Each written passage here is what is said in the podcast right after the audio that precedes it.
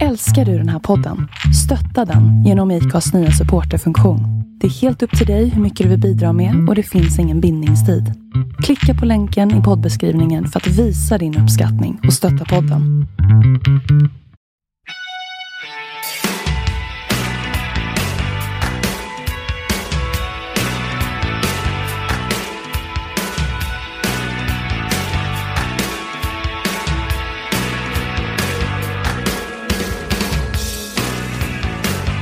Er som är helt slut är ett substitut för hela Snorholms dröm och rock'n'roll-slangen. Nej, utan vi, eh, jag tryck på rec och eh, vi välkomnar alla våra lyssnare till ännu ett avsnitt av Ett liv, en podd med mig Mattias Råberg, Och så är det jag, Hinken. Och så är det Vinge. Vinge och sen har vi en gäst idag och han kanske vill eh, rep- eh, presentera sig själv. Representera? Presentera sig själv. Ja, Marcus Beer heter jag. Jätteglad för att vara här. Tackar så mycket för inbjudan. Det är fint. Det är fint, eller hur? Ja, men det är jättekul att vara i. Norrköping. Jag bodde ju här i en massa år, som vi säkert kommer komma in på. Så för mig är det jättekul att få, få vara i stan och få älgen och sitta. Vi sitter ju i Peking Fans lokal kan vi säga till de som inte vet om det. Så att man är fan, och det är en riktig sån, sån vad ska jag säga, MC-känsla här inne. Ja, precis. Och de eh, vaktar ju oss också. Nej. Ja, okej, bra, Peking tryggt. Outlaws kommer hit och håller ordning. Nej, det gör de inte. Eh, nej, men jag gillar den här lokalen verkligen. Eh, vad, tyck, vad, vad var din första känsla? MC så? Ja, men jag får ju lite sådana vibbar från när man var ung på 90-talet och hemsökte diverse svartklubbar efter midnatt i Göteborgs fabriksområde med omnejd. De såg ut så här ungefär. Eh, Men eh, fast lite trevligare är det ju här och lite mer upplyst. Och sen så är det en massa supportergraffiti på väggarna. Skitsnyggt. Underbar miljö att vara i. Kul. Och jag som nämnde innan då som skulle vara lite bitter och prata om vår gamla lokal på Sandgatan. Men det kan vi skita i då. Men den var fin. Ja, håll käften säger jag. I centrala Norrköping. I centrala Ja, Norrköping med exakt. utsikt över Strömmen. Men men. Ja. Det är Det klart var att den här lokalen är perfekt tycker jag på alla sätt och vis förutom läget. Den skulle gärna få ligga på Nygatan. ja, det är långt till arenan va? Eller Ja, bil. det är det. Alltså vi kan ju gå här, eh, det har jag ju föreslagit också, att man ska gå ifrån våran lokal ner till Himpa, under bron och sen ha en liten marsch eh, dit eh, Krunegård sjunger i sin sång. Mm. Upp längs med Strömmen, upp till Goven och sen in på de vackra promenaden där och sen Mm. In och härja. Mm. Har du inte fått med dig någon på det eller vad? Jo då, det är bara att jag tror att eh, det, det är kanske fel eh, tid på, eh, i livet att ta det under corona. Ja, just det, det är sant. Svårt att nå Sången ut. släpptes ju nu när, det, när man inte får gå heller. Ja, det. Nej, det är sant. Det är sant. Men får ha det som en vision framöver. Absolut. Ja, vi har ju såklart samlat på oss en hel del frågor. Vi, eh, jag vill bara börja med, eh, som producent här, ska jag kalla mig för det? Ja, du får göra det. Att du eh, faktiskt, enbart du och Studio Allsvenskan och den här andra IFK Norrköping Supporter eh, heter det så? Mm. Eh, Snokasnack, som vi kan nämna en gång till för att schyssta. Ni eh, är anledningen till att jag blev sugen på en egen podcast. Oj! Och sen så eh, ringde jag då till mina vänner och bara, vill ni vara med? Och så var jag lite så här ont i magen, de kanske säger nej. Och det var ingen som sa nej. Så det blev verklighet. Så du är faktiskt en av de anledningarna till att vi sitter här idag. Det är ju fantastiskt ju. Hur har er tid varit? Hur länge har ni... Jag har ju lyssnat lite såklart då på vägen. eh, Jag hade faktiskt hört er innan, men ännu mer nu när jag skulle hit och så. Men var, var är ni på poddkartan tycker ni? Liksom? Hur vi, är det? Vi är nog inte där vi vill vara. Men samtidigt så tänker jag så här, man, man kan ju inte förvänta sig att man ska två miljoner lyssnare efter, eh, sen vad är det, vi börjar i augusti. Men, Mm. men vi hade väl kanske hoppats på ett par tusen, det hade vi. Vi Men vänta nu, augusti i år? Augusti i år. Ja, Okej. Studio Allsvenskan håller på i fyra år tror jag. Det hände ingenting första ett och ett halvt åren. Liksom. Även med dig som dragplåster. Nej, nej, jag var, ingen, jag var ett sänke i början. För jag, jag, det var massa annat som, som var stökigt.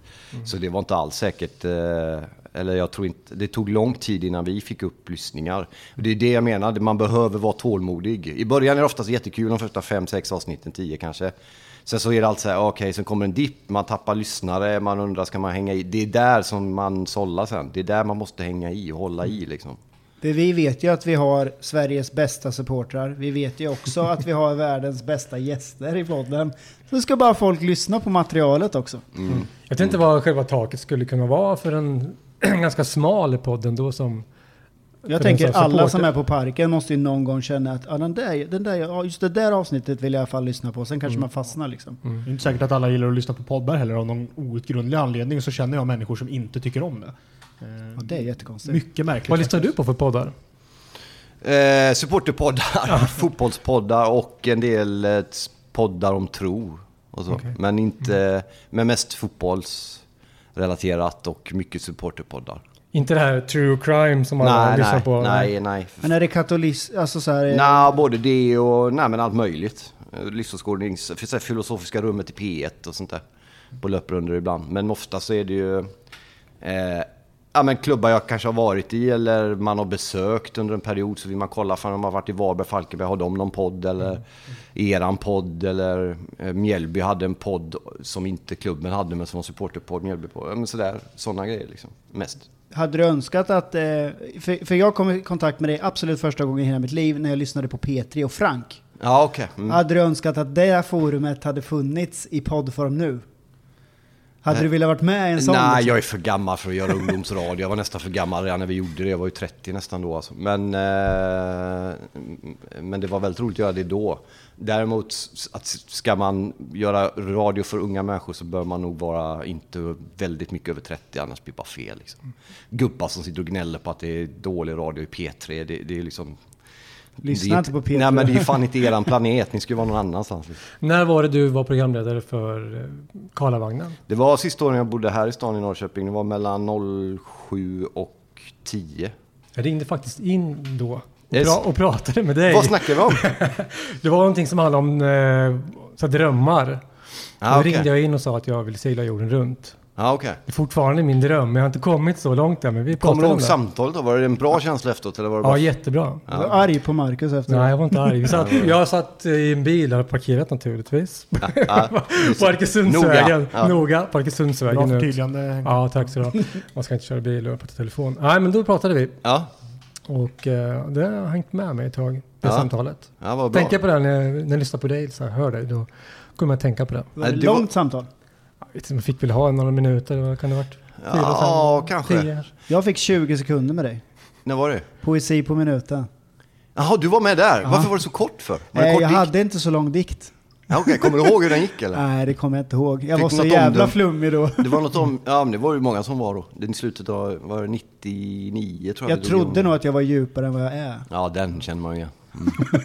Och Jag känner, jag kan ju verkligen inte relatera. Alltså jag är född 98, jag är 22 år liksom. Så Ja, att, eh, du är ung ja. Okej. det Ja, här- var glad för det. Det här liksom, eh, ja det här hände 99 och så jag var ett, ett år Ja. liksom. Så att det är inte jätterelaterbart för min del. Nej. Men, eh, men, Som Vesslan och, och, och eh, cykelturen, att han, han, han kunde inte ha varit med, för han var inte ens född då. Nej, precis. Nej, fan man glömmer ju det perspektivet. Men Karlavagnen var ju roligt för vi körde ju fredagar. Mm. Och det var ju liksom så här, hade ju rykte om så att det var, inte bara rykte, det var ju rätt stökiga, alltså packade, påtända, konstigt folk. Och jag, jag vill inte ha det, så vi bytte jävligt mycket inriktning. Men det gick väldigt, väldigt bra. Vi hade ju, vi lyft, vi hade ju väldigt, fruktansvärt mycket lyssnare. Men sen flyttade jag till Stockholm.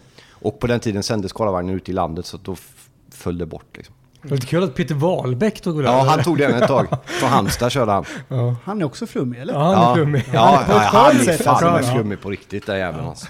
Han var med som Let's Dance som jag, han var ju ja, helt galen alltså.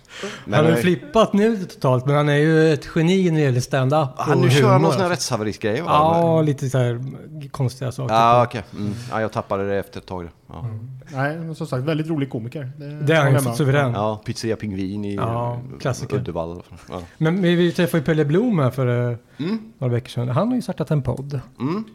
Jag kommer inte ihåg vad den heter. Kommer du ihåg? Vad avsnittet heter? Nej, podden.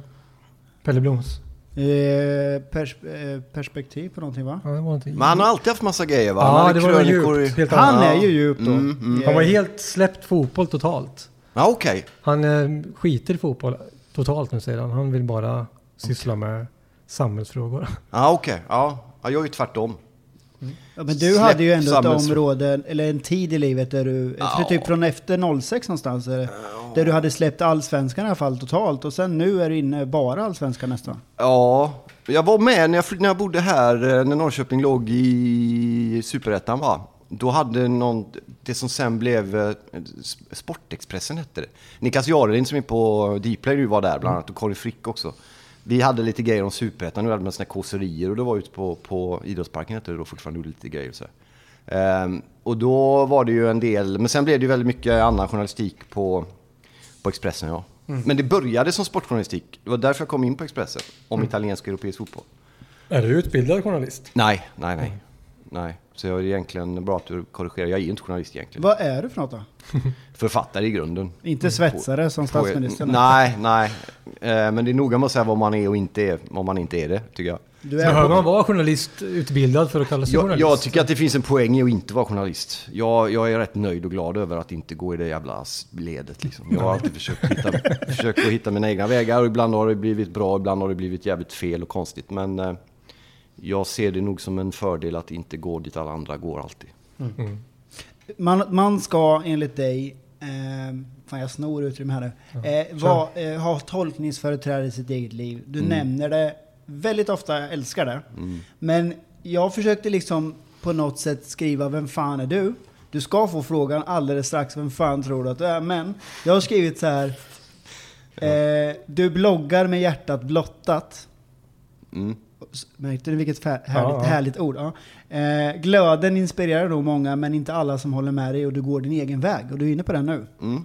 Eh, men eh, vem fan tror du att du är? Vem är du? Vem är, om du har tolkningsföreträde i ditt eget liv, vem, vem är du? Ja, bra. Eh, en ganska...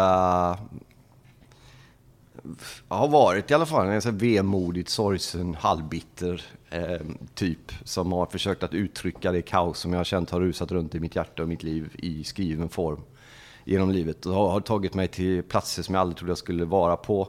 Eh, fantastiska platser, hemska platser, vidriga platser, bra platser. Men i grund och botten så handlar det om en vilja till att kommunicera med människor, att beröra människor, att berätta historier på olika sätt som jag hoppas kan tala till människor. Det är väl vem jag är. En författare i, i grunden liksom. Rätt bra på det jag gör, något sämre på att leva livet som, som liksom, på ett vanligt sätt. På, efter normer typ? Nej, inte bara det, utan efter, efter ja dels det också, men, men alltså praktisk vardag och sånt där är jag jävligt dålig på. Men jag är väldigt bra på att beskriva om att jag inte kan leva ett liv med praktisk vardag. Jag är bra på att uttrycka mig, men jag har svårare att leva livet sådär. Och sen har jag även ett missbruk i grunden som jag tror präglar mig, apropå frågan vem, vem fan tror du att du är? Det har präglat mig rätt mycket, vem jag är. Och jag måste påminna mig själv om att när det går upp och när det går ner att eh, okej, alternativet är liksom att supa ihjäl sig på en parkbänk någonstans. Och, och jämför man med det så är ju allting rätt bra egentligen som har hänt. Liksom. Men, men kan du avsky dig själv ibland liksom så? Jag har skrivit ja, ordet hatar, men Inte nu mer, men under en tid i, när jag var som mest offentlig så tyckte jag fruktansvärt illa om vem jag blev. Liksom. Och det var ingen annans fel, vilket jag har gnällt om väldigt mycket. Att folk var dumma mot mig sådär, och det är möjligt. Men det var jag själv som förvandlades till någon sorts jävla pajas liksom. Det blir ju Anna Bok över det på något sätt. det blev, jag kunde inte säga nej till saker, allting rullade på, det gick väldigt bra, man tjänade pengar, man fick vara med. Och jag, jag drogs med i den skiten liksom. Var det sista tiden där på, på Expressen du refererade? Ja, men det började redan när liksom? Let's Dance. Mm. Jag började skriva, jag hamnade i, i kristna sammanhang som jag skulle låtit bli att hamna i. Jag lät mig dras med av. Och att folk tyckte att jag var bra liksom. Och jag lyssnade på det istället för att lyssna på min inre röst och tappade bort mig själv under några år. Men blir det inte rätt eh, så när man hamnar i den här kändis... Vad ska man säga? Fokuset. Att man lätt dras med i allting det där. Att man kanske tappar sig lite grann själv där. Man säger ja men det ser kul ut. Ja men jag vill vara med. Jag vill behålla tror- min position. Exakt, och dels vill man behålla sin position och sen tror man att ah, men jag är bra, jag funkar, jag kan liksom ändra saker. Men du blir en pajas ändå i löjliga trikåer som står och, och slänger käft med Tony Irving i Let's Dance. Liksom. Det, det, då är det bättre att hålla sig borta. Och jag är ju uppväxt med sådana, liksom Lundell och Thåström, alla de där. De är mina hjältar, har alltid varit, även under den tiden. Men jag blev ju liksom någonting helt annat än det. Jag blev en fjant i, i, mångt blev, och blev du mycket, lite av en, en, en image som du ville du skulle vara? Eller som du inte kunde liksom... Eh, du kunde inte liksom eh, fylla den kostymen av en person som du trodde att du ville vara? Jag tror inte jag ville fylla kostymen men jag hade svårt att säga nej till när kostymen hängde där och den glittrade fint. Och då sa du om du gör det kommer du få pengar, framgång och gå på fester och bli dunkad i ryggen och, och allt sånt där. Och jag visste ju om det. Jag, menar, jag lyssnat och läst artister och författare som har varit i den världen och sagt det finns ingenting där och Lundell så varannan jävla så. Och det är lätt för dem att säga för de har varit i de rummen liksom. De har gått ur de rummen. För att kunna gå ut i ett rum så måste de ha varit i det. Men eh, det var många grejer jag gjorde som var konstiga. Sådana saker till exempel. Men även att jag skrev en massa konstiga saker som jag ångrar idag. Och som jag var... Så det är några grejer jag skrev som jag var först med som jag kan tycka fortfarande, ja, jag håller väl. Men, men mycket var ju också var ju konstigt, ärligt talat. Men kan du inte berätta lite om var du kommer ifrån och din uppväxt och sådär och när dina när du formades lite mer Jag är född, och... född 72 i Göteborg, uppväxt i en arbetarfamilj som också tog kliv. Min farsa jobbade jobb som vaktmästare, min mamma i hemvården. Jag har en storebror som heter Peter som också jobbar med konstnärligt, skriver, skriver drama. Eh, men vi flyttade in till stan från förorten i Göteborg, uppväxt i Angered, Lövgärdet i en förort i Göteborg. Flyttade in till stan när jag var 12 och där gjorde vi våran klassresa där vi gick från en liten gul Golf till stor Volvo och pappa jobbade med kläder och började tjäna pengar, vilket man inte fattade riktigt då kanske så men det blev lite bättre och lite finare och lite större lägenhet och närmare centrala stan och så. Och sen eh, växte jag upp där och eh, drömde ju väl om att bli fotbollsproffs eller rockstjärna eh, först och främst. Men eh, upptäckte väl så småningom att det var skrivandet som jag var bra på. Så. Har du läst din egen eh, Flashback-tråd? Nej, men jag har en älskad fru som, som följer den. Och som meddelar mig om det hänt någonting. Jag kunde inte låta bli, Nej. men då börjar jag på sidan ett och så bara, ah, okej. Vi Ja, skit- men hon- jag skiter i det där. Ja, hon hjälper mig att kolla på den och då tror jag det handlar om eh, de senare. Och nu har det inte varit så mycket på ett tag. Det sista var Lill-Babs tror jag eftersom jag skriver Lasse Berghagens memoarer. Och det är precis så jag vill ha det. Flytta fokus från mig för jag har varit alldeles för mycket i fokus själv. Och jag är så jävla trött på det. Apropå vad du frågar om jag blir trött på. Jag kan bli trött på det, men däremot att, att eh, så att, så att om när min Flashbacks-tråd, det sista stycket handlar om Lill-Babs, då är jag nöjd. Mm, det är jättebra. Men vi ska inte ta ifrån dig det här med att du är landsortsgrabben då. Jag är själv eh, lite grann utanför Norrköping och kanske ännu mindre än, eller är man, om Norrköping är en mindre stad Göteborg, Fast Göte- eller Norrköping är ju en stad. Vart är du ifrån? Vad är det för? Åby, där Åby Eriksson är ifrån. Ah, Så, okej. ja, Mm. Det kanske han inte är. Nu kanske det blir så här fel igen. Men ligger inte Åby hiskeligt nära Norrköping? Jo. Jo då. Ja. Bara sju minuter ifrån. När jag, gick, när jag var liten och de gjorde så här reklam på just P3 eller P4, och så här, då sa de Välkommen till Natursköna Åby, bara sju minuter från Norrköping. Fa- jättefantastiskt. På, På något sådär och det har ju satt sig i hjärnan. Ja. på gammelsvenska. Ja, det det. Sa jag inte, det var på 30-tals 30-talet. Alltså. Fan vad bra. Alla glada, tjoar och tjimmar. Ja. Ja. Jag kommer tänka på eh, Martina Hags eh, bok, eh, om det nu är hon, Underbar och älskad av alla. Mm. Var det så man kanske ville vara då? då? Underbar och älskad av alla när man är det där? Ja, det blir det ju. Om man ville bli fotbollsproffs eller rockstjärna. Ja, nej, men jag, det var ju det som jag växte upp. Jag vet inte om du menar med kändisgrejen där, att man vill bli älskad av alla eller? Ja, men det är viktigt att man får den bekräftelsen. Ja, och- nej, men, alltså, men det där också, jag har fått den frågan tusen gånger. Men du har en bekräftelse, men det har väl alla människor liksom. Jag tror inte att, sen har jag varit mer öppen med menar, det finns ju massa balla, coola skådespelare som är i mittuppslag i tidningarna och pratar om hur jobbigt det är att vara i mittuppslag i tidningarna. Och det, den är, den Anna skit- Bok bland annat. Ja, och jag kan tycka att jag har jävligt svårt för, för, för den, eh, den grejen. Utan jag har varit rätt ärlig med att det är klart att det finns kickar i det. Men det är klart att det har med uppväxt att göra också. Liksom var man kommer ifrån och hur viktigt man tycker att det är att bli liksom sedd på. Och, sådär. Eh, och det här borrar inte ju ingenting mot vad vi har på Kungsgatan i Stockholm kan jag säga. Fan, där kör de. Vi har ett schema där vi får pricka in våra avsnitt. För det, och det kommer pågå i tre månader till. Alltså. Ja, alltså det där var ju... Ja, vi, vi, vi, för er som kanske inte hör det här då, så reagerade jag på att det kom någon jävla Ja, vattenorkan. det är någon vattengrej. Någon som spolar eller någonting. Ja. Om ovan kanske. Nej, men det är klart att det har säkert att göra med varifrån man kommer, var man, hur, vart man hamnar såklart. Men du, nu har du berättat att när du var yngre så ville du bli rockstjärna eller du vill bli fotbollsproffs. Mm. Eh, och en av mina grejer som jag vill, eh, ville bocka eh, av i min bucketlist var ju ändå att träffa dig. Mhm. Och, och då, då är ju inte du en rockstjärna för Nej, mig. Men för mig tyvärr. var det ändå... Ja, nu har jag bockat av det. För det var viktigt för mig ändå på något sätt. Och då undrar jag såklart, vad har du Det för är ju själv? hedrande. Ja, ja, jag hoppas att du tar det på rätt sätt. Ja, det är absolut. eh, vad har du kvar på din bucketlist? Vad har du för drömmar idag? Du hade det när du var yngre. Vad har du för drömmar idag? Ja, men jag har fått förverkliga många av mina drömmar. Jag ville bli författare så småningom när jag fattade att jag inte kunde bli rockstjärna. Sen höll vi på ett tag ändå med skinnbrallor och drack sprit och sånt där. Men eh, vi var väldigt dåliga liksom. Men, och fotbollsproffs fattade jag väldigt snabbt att jag inte kunde bli. Men sen så ville jag ju... jag ville skriva, jag ville bli någon, jag ville berätta om saker, jag ville ge ut böcker, jag ville jag menar, få skriva en bok om Imperiet till exempel, som är mina stora idoler, bara en sån sak.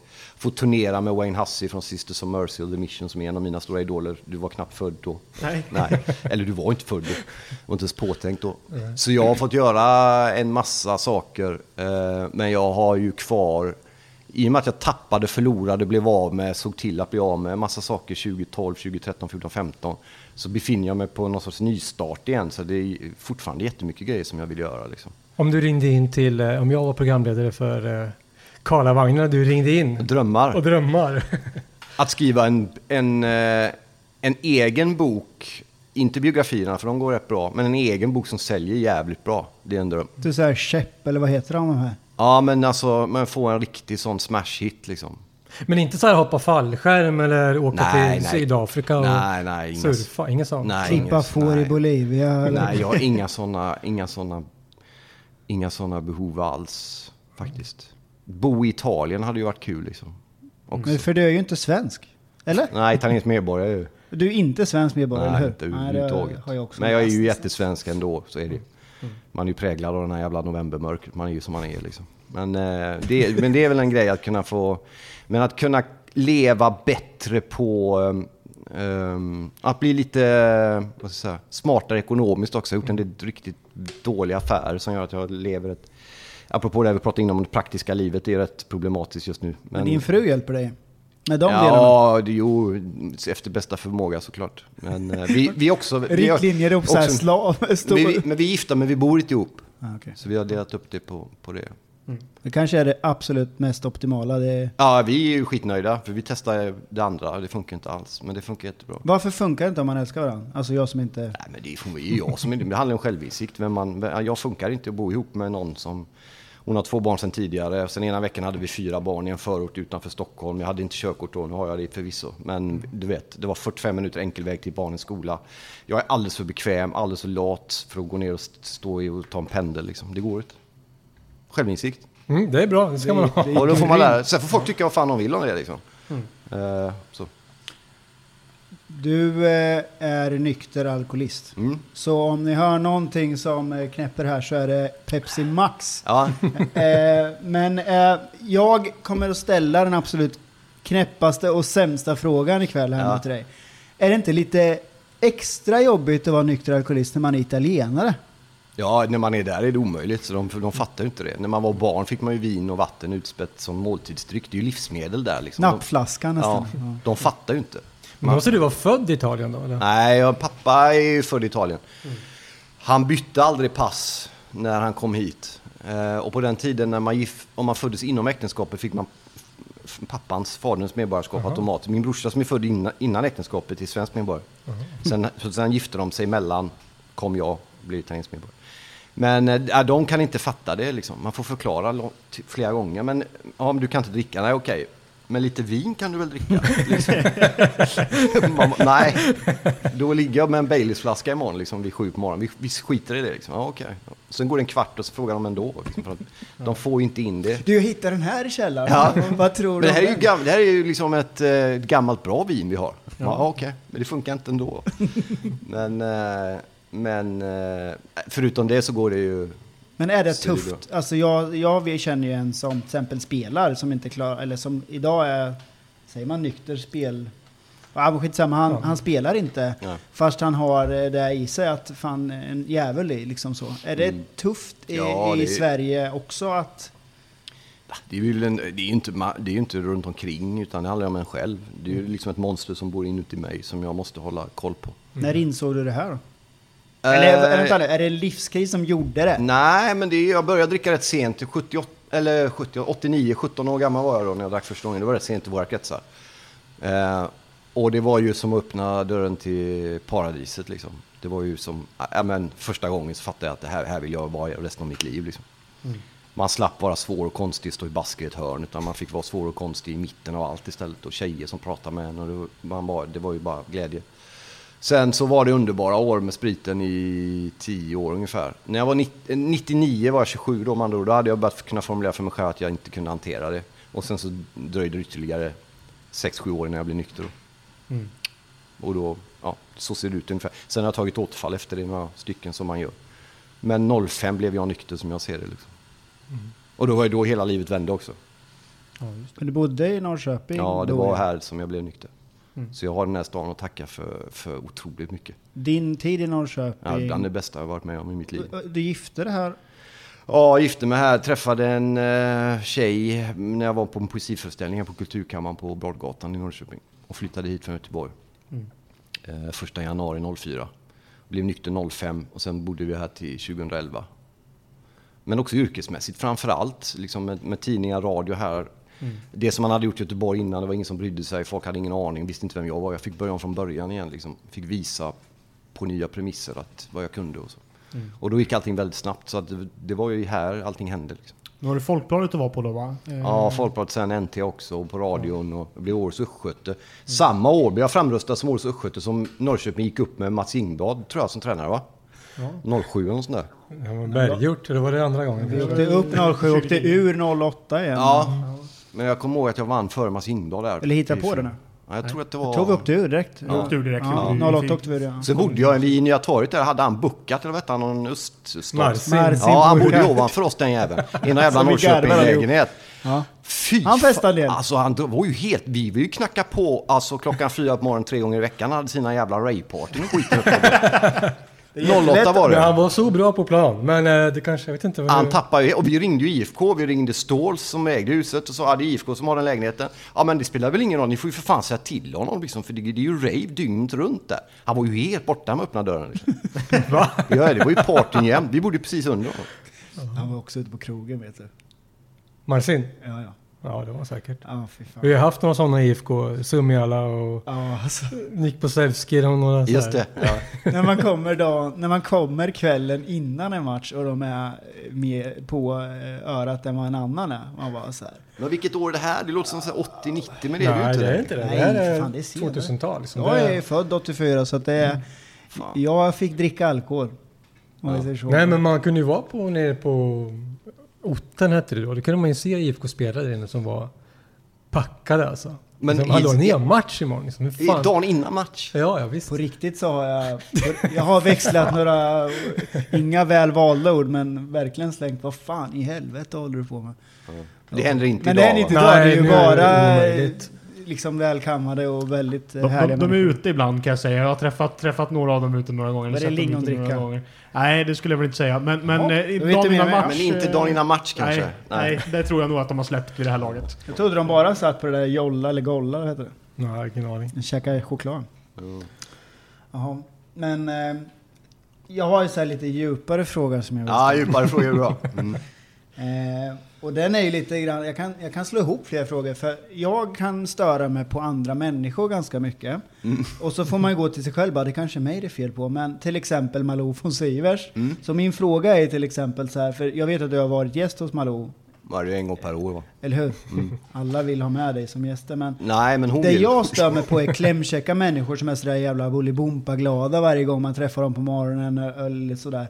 Eh, eller sådär, det, det, dit jag vill komma egentligen så här, kan du störa dig på normen eller att alla måste tycka som TV4 eller att man måste älska julen och julmust ska man gärna konsumera redan i augusti och liksom sådär eller Mm.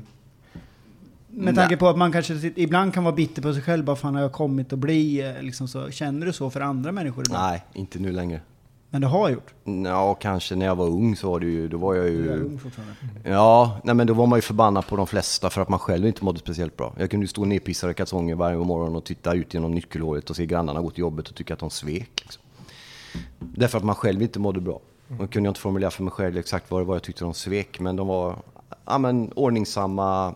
Det är ju ett ganska föraktfullt sätt att se på folk, man dömer ju dem, de har ju ingen jävla aning vad som pågår bakom deras ögon och deras hjärtan. Liksom. Och vem de är. Nej, så jag försöker låta bli att vara dömande för det är så många som är i nu för tiden också så att eh, jag försöker låta bli det. Men du har ju tagit strider officiellt, eller säger man, säger man officiellt? Ja, det man va? Offentligt säger Ja. man, ja. Mm. Även mot så här liksom rådande kulturer och sådär. Lite grann Ja, PK-kultur. Det ja, har du men ju det- fått det har- smällar. och- Det har jag ju fått så mycket stryk så jag Ja. knappt kunde stå efteråt. Så Nej. att de striderna tar jag ju inte längre. Sen, sen eh, kan man tycka vad man vill om det. Det är säkert många som tycker att jag har blivit feg eller blivit liksom... Har du blivit det? Ja, det är möjligt. Men jag ser inte riktigt... Jag hade en period i mitt liv där, jag, där mitt yrke också handlade om att formulera de här grejerna som Expressen-skribent, krönikör till exempel. Nu är jag inte det längre eh, och jag är inte intresserad av att vara i det jävla gettot. Jag vill inte vara i en sörja av gyttja där folk står och kastar saker på varandra beroende på vad de tycker och tänker i två eller tre frågor. Liksom, och degraderar en människa till en politisk uppfattning. Jag är så jävla less på den skiten alltså. Men var, det så på, förlåt, var det så på lite Expressen att eh, vi ska ha, försöka hålla oss till den här korridoren så att säga? Så här tycker vi. Ja, men jag, det ja, det var väl en av anledningarna till att jag åkte ut därifrån. Därför att jag tyckte väl en massa saker ganska tidigt. Som inte passade in där. Nej, jag passade inte in där. Sen var det en del grejer jag skrev talat som var jävligt liksom... Finns en del grejer om islam där som inte var speciellt övertänkta. Sen var det några grejer om förföljda kristna, militant islamism, vilket är en annan sak än islam. Som jag kanske fortfarande kan tycka fast de är 7-8 år Och den här gamla. Breivik, eh, Breivik heter den. Inte Breivik, Nej, Breivik. men det var väl några grejer jag skrev som var liksom bättre än andra för att uttrycka det milt. Men att slippa känna ett behov av att uttrycka sig i samtidsfrågor är ju en välsignelse. Fotboll är mycket roligare. Eh, Exakt. Sen, sen, där ingår ju alla de här delarna ändå. Det finns polemik, men ni vet, ni lever ju i det varje dag, ni som sitter här runt bordet och ni som lyssnar med. Det är liksom. också en jävla åsiktskorridor, liksom det här med att man eh, media ibland vägrar förstå supporterkulturen, tycker jag. Ja, så är det ju. Verkligen. Eh, liksom normer, PK-normer och bengaler är fel och, och, och Mm. eh, supportrar är farliga och polisen gör någon villkorstrappa och alla måste tycka sådär. Och det är det jag menar med det här med Malou von Sivers att hon, eh, alla måste tycka nästan, känns det som, det här med att eh, de normer som finns 2020, jag säger inte att det är fel nu. Jag säger bara att alla måste tycka det, annars passar du inte in Alltså, i jag vet inte mallen. hur du får in Malou von Sivers i det riktigt. Ja, men jag, det här med att Men hon representerar hon något Jag tycker att hon representerar en sån här eh, tycker vi lika fin där. kultur. Ja, säga. men lite så. ja. Mhm, ja. Allt ska vara så vackert. Allt ska vara så och bra. Alla är eh, fantastiska människor. Ja, okej. Ja, nej, jag delar inte riktigt uppfattningen när det gäller henne. Det är för vi har jobbat ihop. Jag tycker hon är liksom ändå vågar ta lite längre samtal om svåra saker. Eh, kanske bara för att hon bjuder in mig och ingen annan nästan gör det. Så att jag tycker hon är bra. Men eh, jag tror nog att det finns betydligt mycket värre folk. Liksom, alltså det, Dagens Nyheters kultursida eller Kulturnyheterna i TV eller vilken annan jävla kultursida som helst. Det är i så fall mycket liksom värre. Eh, Så. Men däremot har ni ju helt rätt när det gäller medias bevakning av supportrar och supporterskap. Det, den, den är ju fruktansvärd. Och det är ändå sportjournalister som lever nära supporterkulturen på daglig basis som vägrar ta i det. Jag kommer ihåg det, och det har ju pågått länge när jag var på Expressen, kom Capelin på Sportbladet skrev om eh, italienska, det var något bråk i Italien och de var barbarer och de var idioter och de var en jävla massa liksom saker som för att hålla någon sorts distans till det. Medan jag i själva verket har hävdat både i texter under alla åren att är det några som, är, som representerar en klubb så är det supportrarna. Vi måste lyssna på vad de säger för det är de går först. De anser framförallt själva att de har, apropå det, tolkningsföreträdet i klubben. Det är de som är klubben. Och jag tycker nästan att de borde protestera mer. Vi kan ta en koppling till sorgebarnet Roma då, som jag håller på i Italien till exempel. En klubb som har blivit misskött och där de har misshandlat fanbärarna i, liksom, du vet, de skickar Florenzi dit och Totti får inte vara med och De Rossi till Argentina, allt vad fan det är. Och de bara mördar klubben och folk är arga och jag satt och rev sönder Roma-tröjor i någon jävla sändning jag hade och sen två veckor senare så sitter man där i en ny Roma-tröja man har köpt.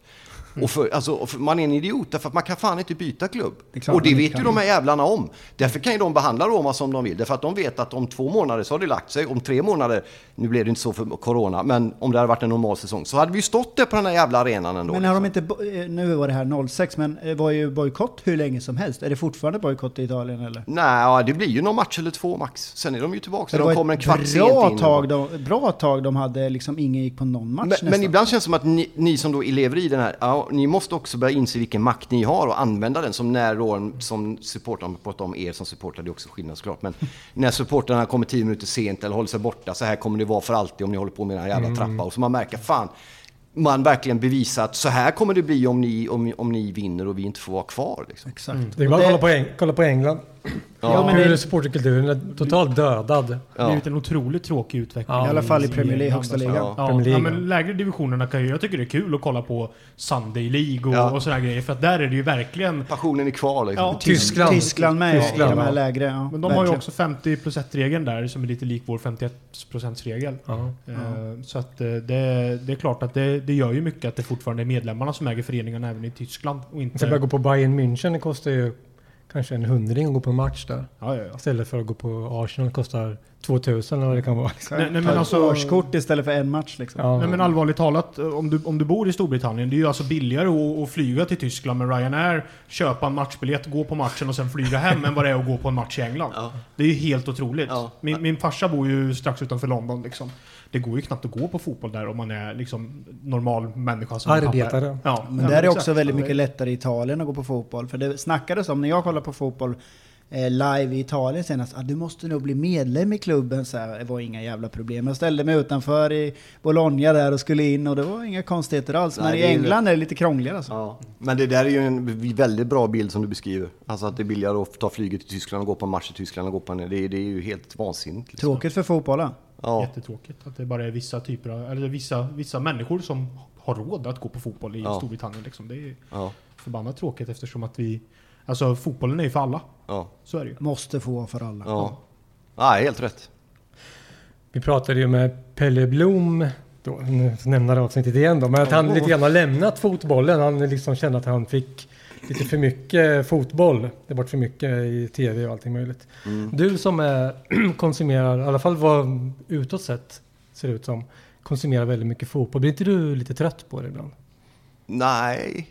För det, för det är så jävla olika grejer man kollar på. Allsvenskan är ju f- ganska, alltså jag är fullt allsvenskan men i, inte som jag gjort de sista tre åren på dagliga basis. där Jag har suttit mellan åtta och fyra mer eller mindre. Varje dag och kollat och följt och sådär. Så det har, man ju lärt, det har varit en ny förälskelse delvis.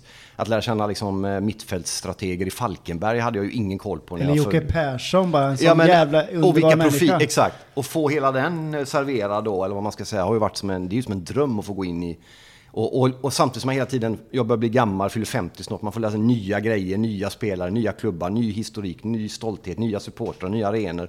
Allt det där som, som, man är, som jag inte visste någonting om innan. Har varit jävligt kul. Sen har jag ju min italienska, vilket jag alltid följer med hjärtat. Och, och sådär. Sen är det ju en väldig massa fotboll jag inte ser. Jag ser ingen engelsk fotboll till exempel, ser ingen tysk fotboll, ingen fransk fotboll. Jag ser Champions League, mästerskapen, allsvenskan och Serie A. Så man kollar ju inte på allt liksom, det går ju inte. Men Serie A, har inte den lite är gått ingen ner sig den så det ligan är lite? ingen som kollar. Jag frågar alla gäster vi har i Stora Allsvenskan och kollar på Serie A, ingen kollar. Jag kollar alltid där Zlatan spelar. Ja, jag men vet det, att jag är det, knäpp i huvudet. Det märker jag också när man lägger ut på Twitter och sådär, när man har lite Zlatan-grejer, då är det liksom... Men det är ju Zlatan. Det är jättehemskt liksom. att säga det, men jag har alltid följt hans karriär. Ja, jag det är tycker han är fantastisk. som gör. Ja, ja, fan. Men det var ju nummer tre verkligen, eh, Serie A i Europa. Jag vet inte var den ligger nu. eh, Fast Liksom. de gör ju jävla massa mål i Italien. Ja, men alltså. de, det är ju en fantastisk fotboll såklart. Men eh, de gör faktiskt väldigt många mål, ja, det är riktigt. Ja. Jag tror den är fortfarande tre eller fyra. Men eh, om man går ännu längre tillbaka då, det kommer ju falla i koma snart, men på 90-talet och framåt där några år, då var de ju i överlägsen etta Ja, ja, liksom. ja. Så därifrån har de ju tappat.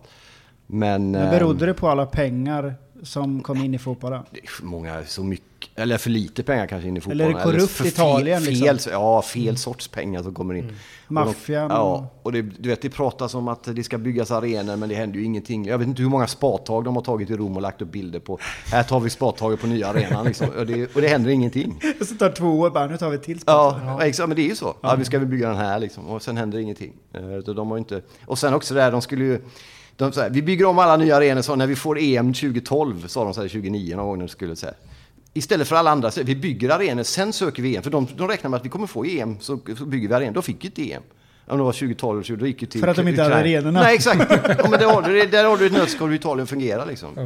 Det är fel ände från början. Men besöker, man, besöker du Italien ofta? Alltså inte Nej, inte nu 21. längre som, som det är som det är nu, men annars två, tre, fyra gånger per år minst, så fort det går. Jag, jag tycker emellanåt, och nu blir det nästan politiskt, men det är så emellanåt så jävla fattigt känns det som och sönderfallet vissa delar och vissa delar är så jävla fina. Eh, och sen har de en helt annan kultur. Jag på ett sätt älskar Italien så, men när man var och hälsade på senast så kände jag så här, gud det här det känns inte bra alltså. Vissa delar är så... Ja, det är ett, det är ett sargat, sargat land. Ja, så är det ju. Det är ju Har det varit så jämnt sen typ kriget? Ja, egentligen. Och framförallt har det ju varit ett väldigt delat land mellan nord och syd. Liksom, där det är några rika, norra... Men det är också man, man, precis som du säger, man kan aldrig jämföra Italien med länder som Sverige, Danmark och andra i, i Tyskland. Utan man måste jämföra det med länder i, i omgivningen där nere, Jugoslavien till exempel. För Det är en jävla kultur också med hur de ser på sig själva om man jämför med svenskar jantelagen här. Och Mm. de, har, de är stolta på ett annat sätt känns det som. Eller det kanske är fel ord. Nej, men de vet ju om vad de är för något liksom. Det, det är ju alltså, av konst och kultur och mat och mode och, och skönhet och jag, menar, jag tror att det är fan 95% av alla världsarv som de har utsett ligger i Italien liksom. och eh, det är lite mer manjana manjana än vad det är i det, Spanien är både, med. det beror på var i Italien du är också. Jag menar, det är ändå en av de sju, åtta största industriländerna i Europa och världen. Eh, så- att det är ju inte bara folk som ligger halvpackade du vet, och dricker grappa och bara gör allt imorgon. utan det, det, är ju, det är ju, de jobbar också jävligt hårt. Sen är det svårt. En tröttsam grej med det som jag kan idealisera och romantisera Italien rätt mycket ärligt talat. Men det är ju den här jävla furbo som man säger i fotbollen, alltså smarthetsgrejen, att kontakter, tjäna pengar, om du känner rätt folk så kommer du få komma fram och sånt där. Och det där är en jävligt obehaglig. Har du inte de kontakterna så blir du oftast fattig helt enkelt. Och det är ju en jävligt tröttsam grej med Italien. Men det är världens vackraste land. Det var som Verdi sa tror jag. Du kan få hela världen bara få Italien. Och jag säger samma, apropå du pratar om att drömma och resa. Ja, och, så. Ja, och folk vill åka, och man har, du vet, kan inte åka till Prag och åka till, vad fan det är liksom, fina gränder i Prag. Det finns jättefina gränder i Prag, men de är ju, kan åka i vilken jävla italiensk stad som helst, så har du finare gränder där. Du har aldrig funderat på att skaffa dig någon liten lägenhet någonstans? Ja, jo, såklart. Det var det där, prakt, det, var det där praktiska att lägga Ja. undan pengar. Och så. Exakt, så får jag inte det att funka, men någon jävla dag alltså. Så blir det så. Ja, Då hittar vi en dröm ändå då. ja det är Ja. sant. Det är en dröm att få bo i Italien Ja. över tid. November till april. Ja, minst oktober nästan hela vägen. alltså. Ja. Kalla månaderna. Ja. Nej, men det är mycket där som gör att jag faller i det. Men det är saker faller på plats när jag är där. Jag mår, jag mår bra där liksom. Ett lugnare tempo. Eller är det något Ja, men det är annat som gör det? saker, men det är, det, alltså man slipper gå runt och vara så jävla... Så nu är det bättre sen jag slutade då hålla på och skriva om saker. Men alltså det, som man retar sig på här, diskussioner som blir viktiga i Sverige, som man tror att hela världen bryr sig om bara för att det sker här. Och där är det andra saker som är viktiga. Och de sakerna som är viktiga där appellerar mer till vad jag tycker är viktigt. Och då kanske man får ta konsekvenserna av det och flytta liksom. Finns ingen så. plastpåseskattdebatt i Italien kanske? Nej, eh, och, och en massa andra saker också om, om ja, jag vill inte gå in på de grejerna. Men det är mycket här som man känner bara, vad fan, Ja. liksom släpp det. Sverige är tråkigt på ett sätt då. Ja, Sverige är bra också på jävligt många sätt.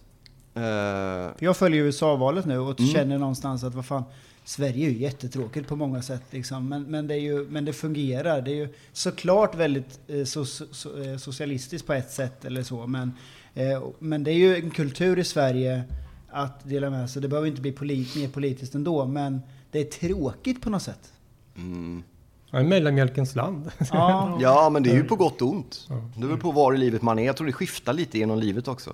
När man är ung så hatar man ju allt sånt eftersom man gråzoner och mellanmjölk och lagom. Då, då, är, då är man ju liksom i ytterzonen när man lever sitt liv. Sex månader som är mörka. Ja, det är ju segt liksom. Men å andra sidan, min farsa när han kom hit, eh, vad han älskar fortfarande med Sverige, han är ju kvar här sedan, sedan 64 eller vad det är. Det är just årstiderna. Liksom, han tycker om när det är vinter och vinter och sen att det händer saker emellan. Liksom. Så, så, eh, men, Jag känner massa folk som blir så här deprimerade på hösten. Mm. Du kan också känna igen det där vet jag, vi har pratat om förut Hinken. Att man blir så här, åh nu är det höst och det är mörkt. Ja, jag gillar det. Du gör det? Ja. Jaha, jag gillar jag tycker det. det är väldigt otrevligt. Alltså jag, eh, jag kan säga att det var två år sedan nu så ehm, jag sa ju att min far, far bor, i, bor i Storbritannien, men jag härstammar faktiskt från Nya Zeeland och då var jag där över vintern. Ja, okej. Eh, två månader. Eh, och Lite bara- varmare. Skapligt. eh, på. Wellington blåser det väldigt mycket, men åker man norrut där så och, eh, det skiljer ju väldigt mycket beroende på vart man är i landet. Så. Ja. Men jag levde ju mitt bästa liv då, eh, när man var där. Men det var dock lite märkligt så här när man Eh, när man firade jul och så satt man liksom ute och grillade på min farbrors bakgård på juldagen. Liksom. Det var, Ja, ja, du får den omvända, Ja. omvända grejen. Eh, Men, eh, men det var ju väldigt, väldigt härligt. eh, Mm. Så, och, och få ljus fler månader per år än vad man får här kan jag säga. Mm. Det finns ju bra skidåkning och så vidare även i Nya Zeeland. Södra delen av eh, södra ön där finns det. Nu kommer in på skidåkning här igen. Jätteduktig på det. brukar alltid prata med, ställa fråga till, till gäster om, är fotboll den absolut roligaste sporten? Ja. Följer, ja, ja, men det är det ju. Och då brukar jag alltid säga så här, ja men det finns ingenting så unikt som mer fantastiskt än offside-regeln i fotboll. För offside-regler i andra sporter är också såklart jättebra. kan ju vara så men tråkigt den är fotboll. så hysteriskt smart med just hur offside-regeln funkar. Det måste vara unikt. Ja, den är smart. Och sen har de på och dödar det nu.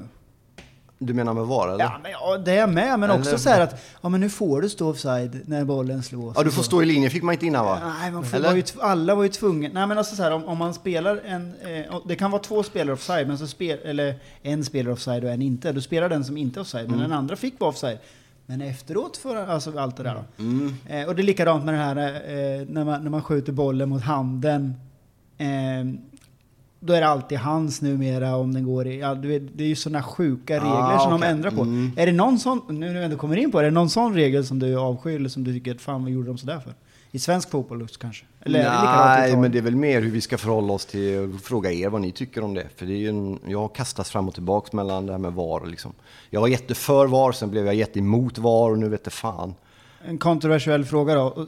Säg något som berör folk nu då, men VAR kanske behövs, säger vissa, för att domarna är så bedrövliga. Och det har Mm. drabbat, tycker jag i alla fall, jag vet inte om ni andra håller med mig, men det har drabbat Norrköping något djävulusiskt Ja, i år. så är det ju.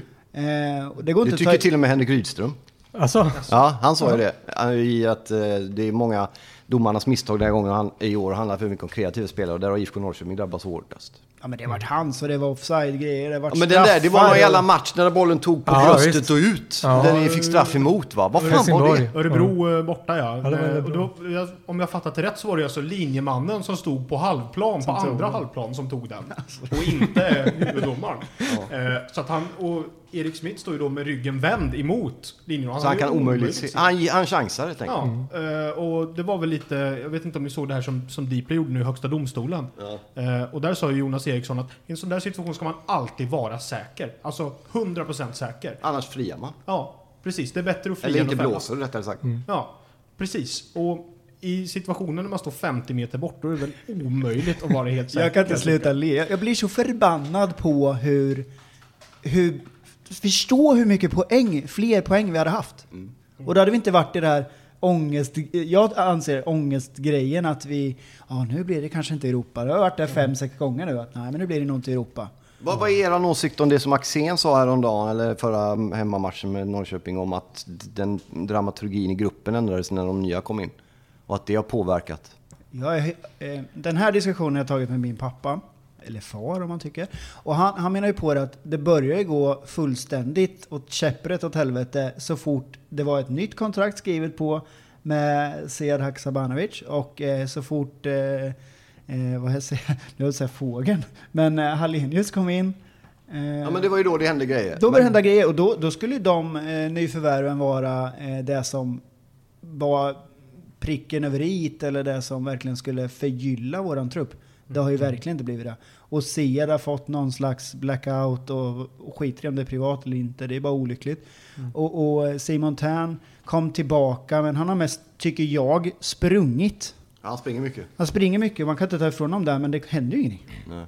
Men, men alltså Och som ska inte person, jag, Kastegren spela också? Det är våran te- devis för vi gillar honom i jag menar. Castro Kastegren ska alltid spela. Ka- Castro-regimen som eh, Öre- Örebro SKs Twitter kallar honom. Årets, årets absolut bästa autokorrekt alltså. Ja, det var Just att det är kubanerna som... Och ju Jens Fjällström där också som kallar honom för Kastelgren eh, ungefär Just tio det. gånger under en match. Ja, Eh, men han bad om ursäkt sen tror jag. ja, I alla fall, för det var med all rätt. Men som men svar på frågan. med, sen, men det här med, ja, förlåt. Men, men som svar på frågan, jag tycker att eh, dynamiken kan rubbas. Man behöver inte vara någons fel.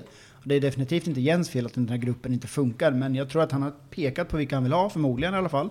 Och så har han fått dem. Men, ja. Och sen har vi sålt bort fel Det jag skulle fel, säga att det blir inte alldeles så mycket pengar. Det handlar ju bara om pengar i IFK just nu känns det som. Ja, absolut. Vi säljer... Vad heter han? Backen? Nu tappar jag helt. Lauritsen. Lauritsen liksom. Var han Allsvenskans mycket- bästa. Mittback liksom, som var målskytt dessutom. Och Pontus nu. och Pontus, alltså, det går ju inte att ta bort att det är de två mest tongivande spelarna. Lauritsen som var... Eh, jag kommer till den frågan med, eller jag kan ställa den nu. Alltså, det viktigaste i fotboll kanske inte är eh, statistik eller vilken formation man har. Det ska ju vara glöd. Det ska ju vara att man brinner för att jag ska fan vara bäst, vi ska fan vinna det här. Och det fanns i Lauritsen. Och man såg den där lilla eh, Almqvist med att men jag ska ta den här löpningen nu, nu ska jag göra mål. Och de två som har varit mest tongivande försvinner från oss. Lauritsson som Posse säger. Ja, men, men, Men då är det ju mer de två förlusterna egentligen som har påverkat. Och det har jag inte pratat så mycket om liksom i Dplay eller andra sammanhang. Men eh, Men det var ju mycket i våras va, som det var att det var bråk och, och Peter Hunt eh, exklusiv- över folk och så det, och media, eh, lokal media kanske hängde Ja. upp sig alldeles för mycket på det här men, men eh, alltså vad fan vet vi? Vi ska inte Axén veta. sa? Axén, du nämnde Axén, vad var det han sa? Att det är alldeles för gulligt och sådär i Norrköping. Ja det kanske han Hur sa. Men vi tycker det. Vi tycker att det är alldeles för... Det är för Även om det är eh, bra människor så Ja. blir det ju alldeles för mycket att man ska inte klaga på domslut. Jag vill se någon jävel bli vansinnig över att få den där varningen eller få, bli ni i röven. Jag vill se lite jävla glöd men det finns ju inte. Det ska vara svärmorsdrömmar bara och där saknar den där riviga jäveln. Ante Johansson. ja, men, en, en ante, men, men jag tycker ändå så... Du, du nämnde ju Henka Kastegren, eh, Biro. Alltså, Henka är ändå en som jag tycker faktiskt börjar visa, och han visar framförallt tycker jag väl ganska fina ledaregenskaper på plan. Det ser ut som att han försöker styra lite, han försöker peppa på en hel del.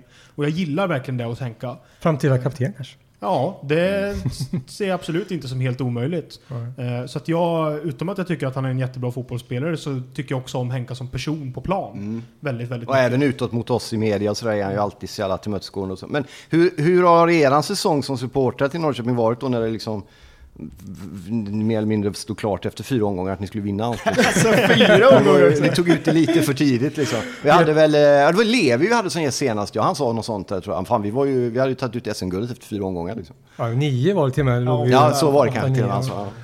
Men det var ju till och med en i stan som har tatuerat in SM-guld 2020. Vad är det? Nej, Jag har inte gjort det, men en som, ja. det ryktas om det i alla fall. Att Fan det. vad stort, vilken legend alltså. Ja, det...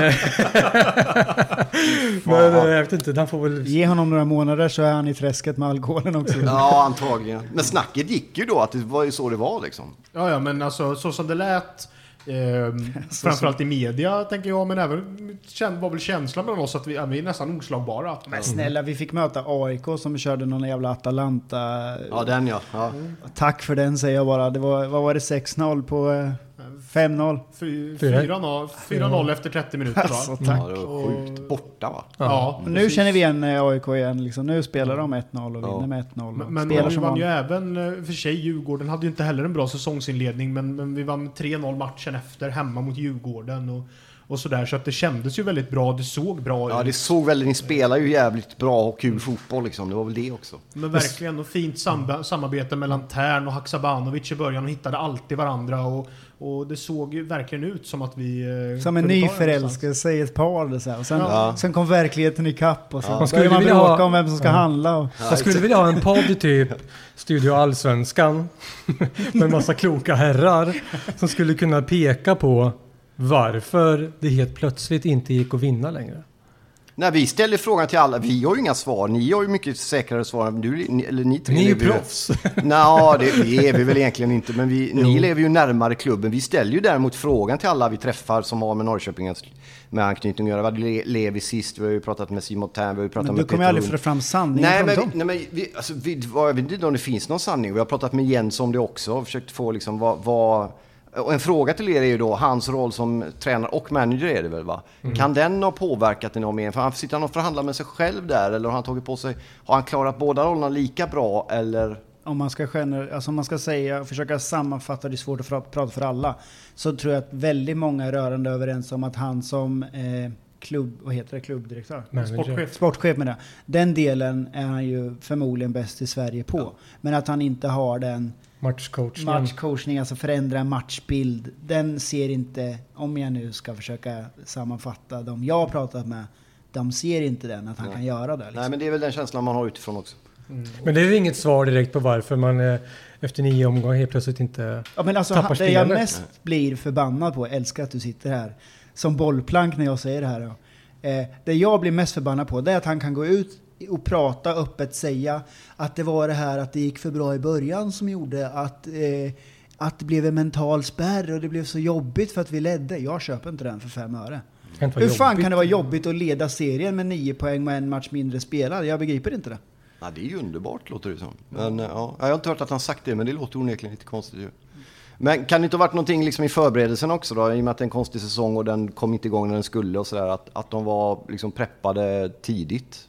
Men det, de hade ju massa skador innan och de fick ju de här skadorna Eh, alltså de, vad heter det? Men alltså de, de fick det läkt och, Mm. och kom in med eh, betydligt bättre förutsättningar än vad de hade haft ifall serien hade startat Ja, som går skulle. Okej, just det. Eh, Mm. och, och sen eh, så tror jag att eh, vi var mer på tårna eh, än vad många andra lag var. Mm. Men det förklarar ju ändå inte att varför vi alltid åker på de här jävla torskarna mot lag som vi på pappret nu ska vara bättre än. Mm. Men så kanske vi har för stort huvud. Vi kanske tror att vi är ett bättre fotbollslag, än, eller att vi håller på ett bättre fotbollslag än vad vi har. Men jag inbillar inte det. Jag, jag ser att vi är topp två och ska vara varje år. För vi har så pass bra fotbollsspelare. Ja, men alltså jag håller väl med och det känns väl som att det kanske, alltså kritiken mot Jens nu har väl varit liksom att det tog för lång tid att, och vi kanske inte riktigt än heller har brutit den här negativa trenden som vi ändå såg eh, efter de här första tio omgångarna när det gick så pass bra. Eh, att, att det kommer konst, jag har ibland sena byten, men förra matchen till exempel då när, när vi eh, eh, måste liksom trycka, eh, trycka på och vi har Mike Sema på bänken, jag vet inte vilken fysisk status han är i visserligen, men han är ändå en offensiv spelare. Men så slänger man in Kevin Alvarez på topp istället som Inte spelat en match. Två matcher liksom, eh, två inhopp ungefär. Menar du att du inte stör dig mer på att de börjar passa i backlinjen eller spela bakåt? Ja, men... Vi sitter här och skriker 'Passa bakåt då!' Vi vet ju att de ska göra det, så det är på humor. Ja. Och så passar de bakåt. ja, men det är klart att jag stämmer på det också, men, men, men jag tänker kring...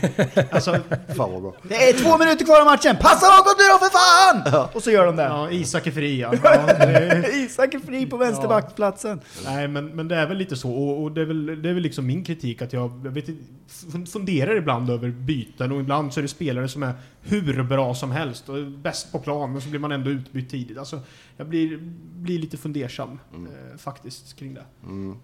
En grej som jag hörde på vägen hit i ett annat sammanhang var när man hade jämfört eh, Totte Nyman med Mjällbys Ogbo. Eh, Totte Nyman har gjort två mål fler kanske. Något sånt. Något sånt. Men då hade de slagit ut det på antal minuter de hade spelat och då har ju Totte Nyman spelat jätte, jättemycket mer än vad Ogbo har gjort till exempel. Där kanske till och med fanns mer att hämta hos en Totte Nyman. Samtidigt som han kan ibland bli, han får ju slita som fan. Och om det var Levi som sa det till oss, för han hade spelat i hans roll vid något läge och tänkte att han ska ta emot alla de här jävla bollarna mot höga, stora försvarare. Så han, han gör mycket jobb. Han kanske skulle behövt någon anfallsmässig avlastning lite, så det kanske blivit ännu fler mål. Liksom. Jag vill inte förminska Totte, men jag ser inte honom som den bästa strikern vi har. Det säger jag inte för att jag inte tror att han kommer ta eh, skytteliga vinsten eller vad det heter. Men han, är ju, han, har ju in, han har inte samma potential som vi har andra strikers vi har haft genom åren. Men han kommer ändå ta det. Han kommer vinna skytteligan ändå. Vi hade Men han är ju en sån som Almqvist. springer som fan bara. Det var ju Almqvist skulle lasta av honom lite Men, grann. men så- alltså Totte är väl, har väl aldrig varit den typen av spelare, men typ som Kujovic som smäller in 21 mål på en säsong liksom. Utan han har ju legat kring 10 Ja. ungefär. Varje, det här är väl hans målmässigt bästa säsong i Allsvenskan tror jag. Han är ju en spelare som, som gör allting runt omkring. Han springer ju som ett Men då måste djur du ha någon som han gör det för där. Men Ja. jag Som- menar bara att ett typiskt Totte-mål är det som han, när han gräver fram i, i en match.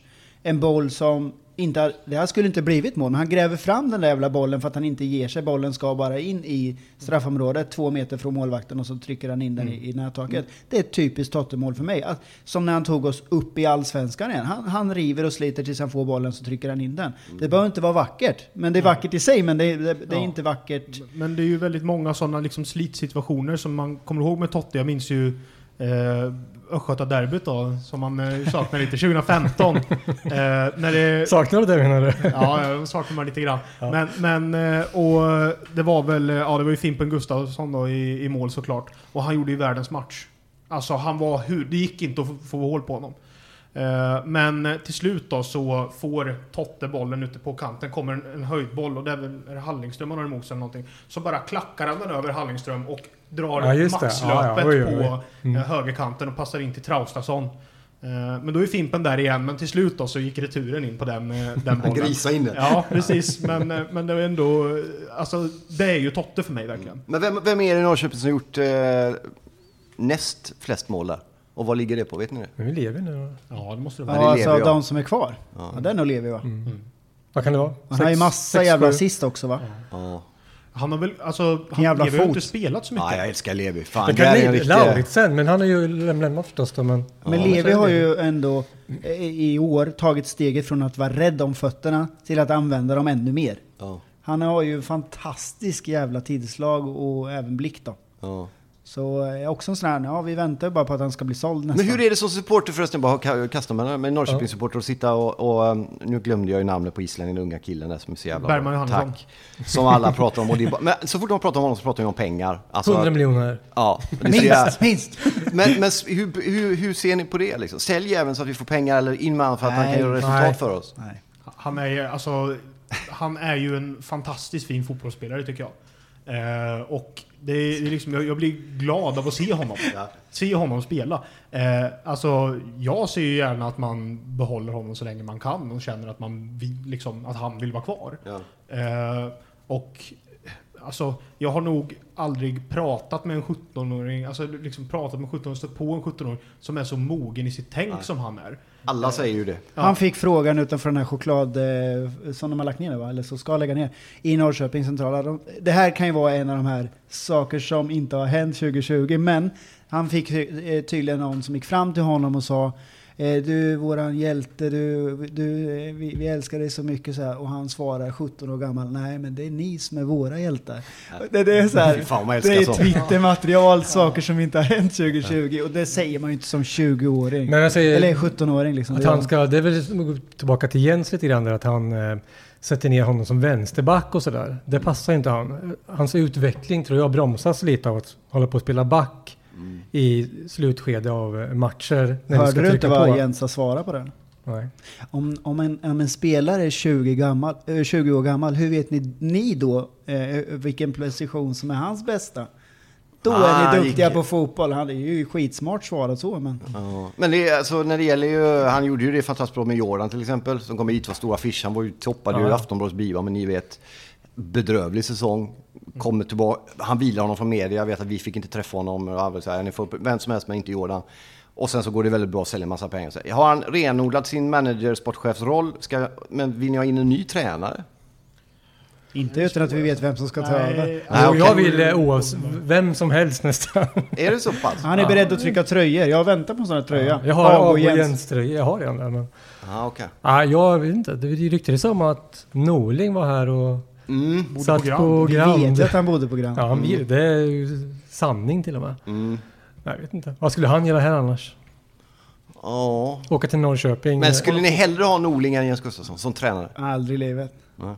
Faktiskt. Han lyckades ju inte i Brand. Nej men aldrig. Du ska ju inte ta hit, nu, nu har ju Jönsa trä, eller varit i, i AIK, men vi ska inte ha hit någon som inte brinner för det. Men du vill ju inte ha någon ifrån Lazio in i Roma och gröpa. Nej, nej, Lazio är nej. Det är riktigt.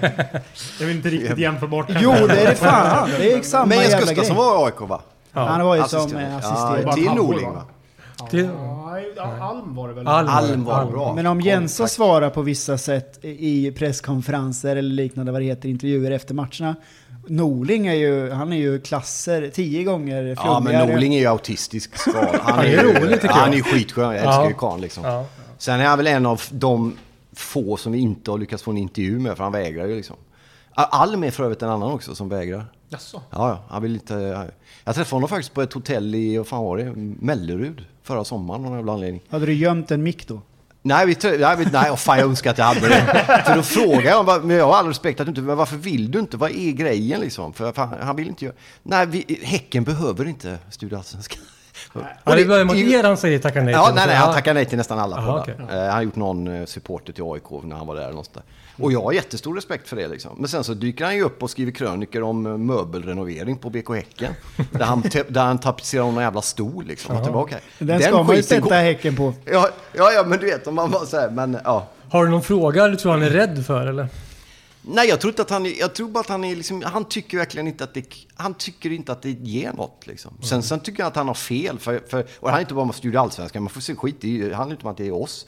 Men BK Häcken har ju, har ju, som jag ser det, ett behov av att kanske prata om vad de gör i sammanhang så folk, och framförallt för supportrarna och andra lagsupportrar som vill veta hur Alm tänker. Det är liksom en serviceanda med att man vill ge liksom. Sälj in din jävla klubb som du Ja men lite, representerar. lite så, men jag samtidigt kan jag tycka att jag, jag gillar ju det där. Jag blir glad över att Det är någon lite Thåström vägrar. över Ja det är honom. exakt, det är ju Thåström liksom. Han vägrar ju.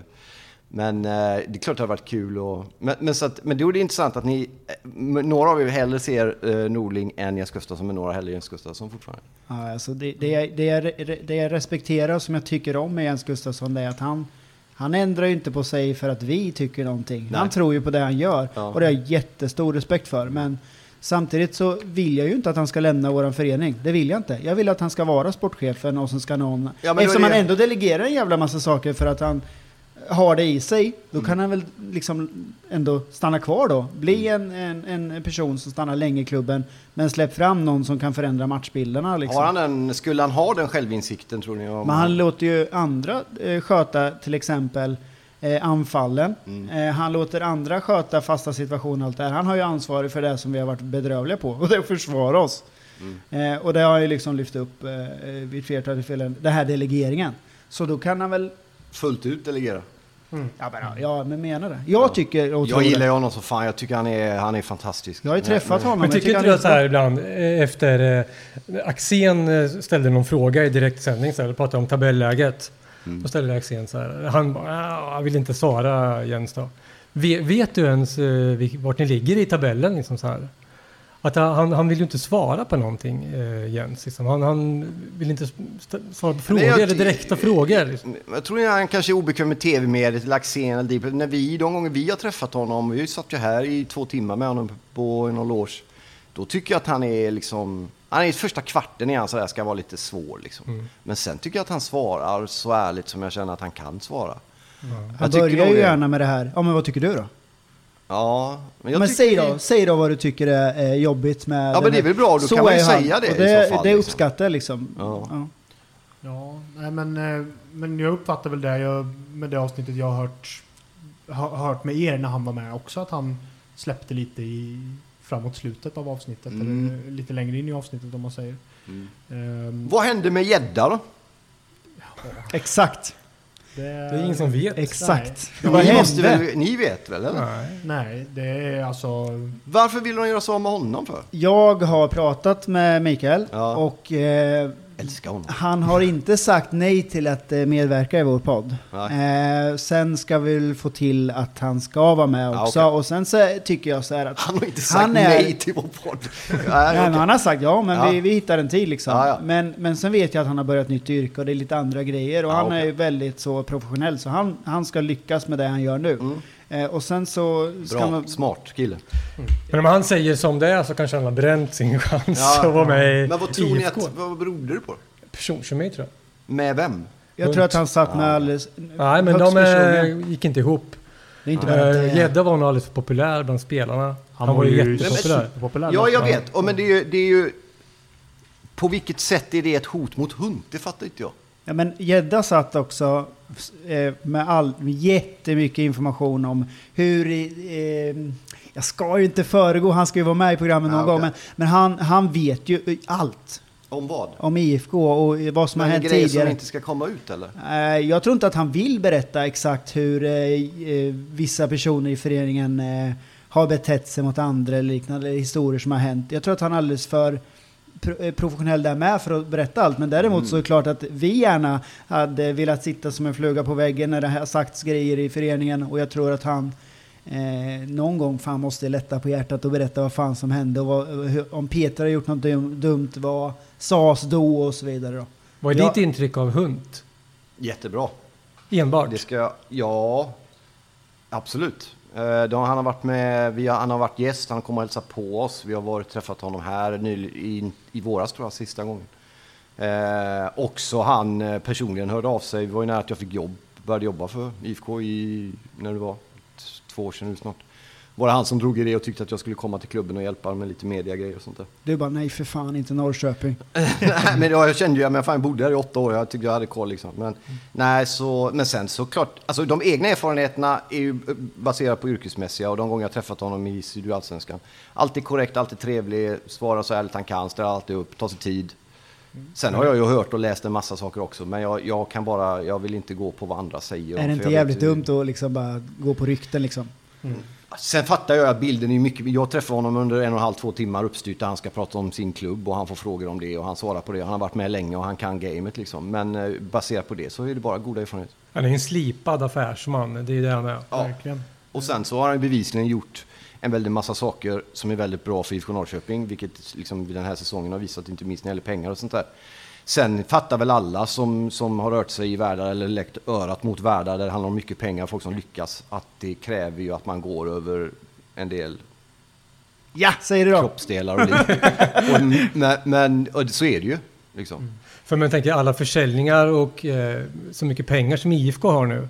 Att Gäddas lön kan ju inte varit en, eh, en börda för Nej, IFK. det är ju den största Nej, det fattar bullshiten. man väl att det handlar om andra grejer. Det var Ja. därför jag undrar ifall ni visste. Men, men Ja, vi vet ja, det där var ju nyheter för mig att, att han i så fall skulle få gå för att han visste saker om ledningen. Det kanske inte Norrköping. just det, men jag säger bara att han sitter ju också med information som kanske inte är så bekväma att det kommer ut. Ja, jag- problemet med information är att den kommer, förutom Italien möjligt, men den kommer alltid ut förr eller senare. Det går inte att hålla på grejer längre i... i Men det, han fick nog inte, alltså det är inte det jag menar, jag fick ju inte sparken för att han höll, eh, att han satt med information. Jag tror snarare att, att det var precis som Hinken säger, personkemi och eh, att det vart, det är ju inte Peter Hunt enbart som har lyft den här föreningen om alla år och eh, Gädda var ju så fruktansvärt Men jag eh, ser fortfarande inte vilket alla. hot det är. Varför en älskad personlighet i en klubb? För hans rykte... Du, du vet varför han har eh, namnet Gädda, eller smeknamnet Gädda? Jag hade honom i telefonboken var det gädda och han men satt han i romamössa. Men eh, nej. Okej, men en gädda har stor käft. Ah, okej. Okej, men det betyder ju inte att han inte säger sanningen. Han kan, nej, Och exakt. jag vet inte någonting, som sagt. Det får ju han själv Nej, berätta. vet, men men han, säga eh, han säger ju... Han säger nog som det är. Och han har ju varit den där länken mellan spelarfruar. Han har stä- eh, och, och liksom varit den som hjälper spelarna, följt med, fixat... Han fixade en parkeringsplats åt oss finaldagen mellan Norrköping Precis och som Djurgården. Mårten. Här kan du stå, men det går ju inte. Vi öppnar grindarna. Det är ju gädda liksom. Ja. Men precis som Mårten så har han ju varit allt och alla och hjälpt allt och alla och, varit ansiktet Men frågan utåt. är fortfarande på vilket sätt det är ett hot för ledningen. För Men mig- du kanske kan svara på det här. Du säger att... Jag vet inte om du har fått sparken från uppdrag och sådär. Ja, jo. Ja, men, jo, Det det är har du riktigt. kanske fått det, då. det, det är riktigt. Men det är ju fel väg att gå. Om jag sitter med uppgifter om dig som jag, du inte vill ska komma ut, eller jag inte vill ska komma ut. Ja. Då ska jag hålla mig vän med dig. Då ska inte jag sparka dig och liksom distansera. Alltså, då blir du sur på mig. Ja. Så, jag vet Då inte. riskerar man ju ännu mer. Ännu mer, ja, exakt. jag. Ja, exakt. Då Ja. kan ju du gå till tidningarna och berätta liksom, Ja. sen, på ett Kevin Walker-aktigt sätt. Så det, det är någon... Ja, men vad ska man hota med då? då? Alltså, du får sparken. Ja, mitt kontrakt går ut om två månader så det spelar väl ingen roll liksom, nej. i det här Jag, fallet. jag, Så vill man ha, håll dina fiender nära brukar man ju säga. Ja, men- exakt. Det är ju smartare i så fall. Ja. jag tror inte Peter skit, Jag tror han skiter fullständigt. Jag tror bara han vill ha... Eh, och nu är inte Peter här som kan försvara sig, men jag tror att han bara vill ha ja-sägare som, som, som kör på hans race. Och jag tror att Ja, Peter okej. Hund kör sitt race eh, tills det inte går längre eller han inte, alltså inte får vara kvar. Och sen är det ingen som kan säga att han inte har gjort bra grejer för IFK Ja, Norrköping. för det har han ju ändå gjort. Sen är det inte han bara han som du säger heller. Inte han men han går en överlik, absolut. Mm. Det tror jag. Nej, alltså det måste vi faktiskt komma ihåg liksom, vilket skick var föreningen i när Peter kom. Ja, vi ska Eh, väl inte ja. prata. Och... Jag bodde i stan då, så jag vet. Ja, ja men... Det var ju en... eh, Ja, ni vet ju ännu mer såklart. Men, eh, konkursmässigt. Ja, snackar, exakt. vi snackar 9 miljoner. Vi snackar ju att han kom in på ett dukat bord som eh, vår kära gamla ordförande sa. Eh, dukat bord, vänta nu, minus 9 miljoner i loggboken och... Eh, ah, för fan, den karln blir tokig på. Nej, han har gjort... Ja, men som sagt... Hans Lundin, nu har jag sagt det här namnet. Ja. Han sa och myntade uttrycket till en gammal tidning du har jobbat i att nej, jag lämnar över den här skutan som, är, som ett dukat bord. Vad sa han i Folkbladet? Ja. Mm. Ja, okej. Och eh, sen kommer han eh, rak i ryggen till försäsongsmatcherna på eh, gamla, de här planerna, södra planerna.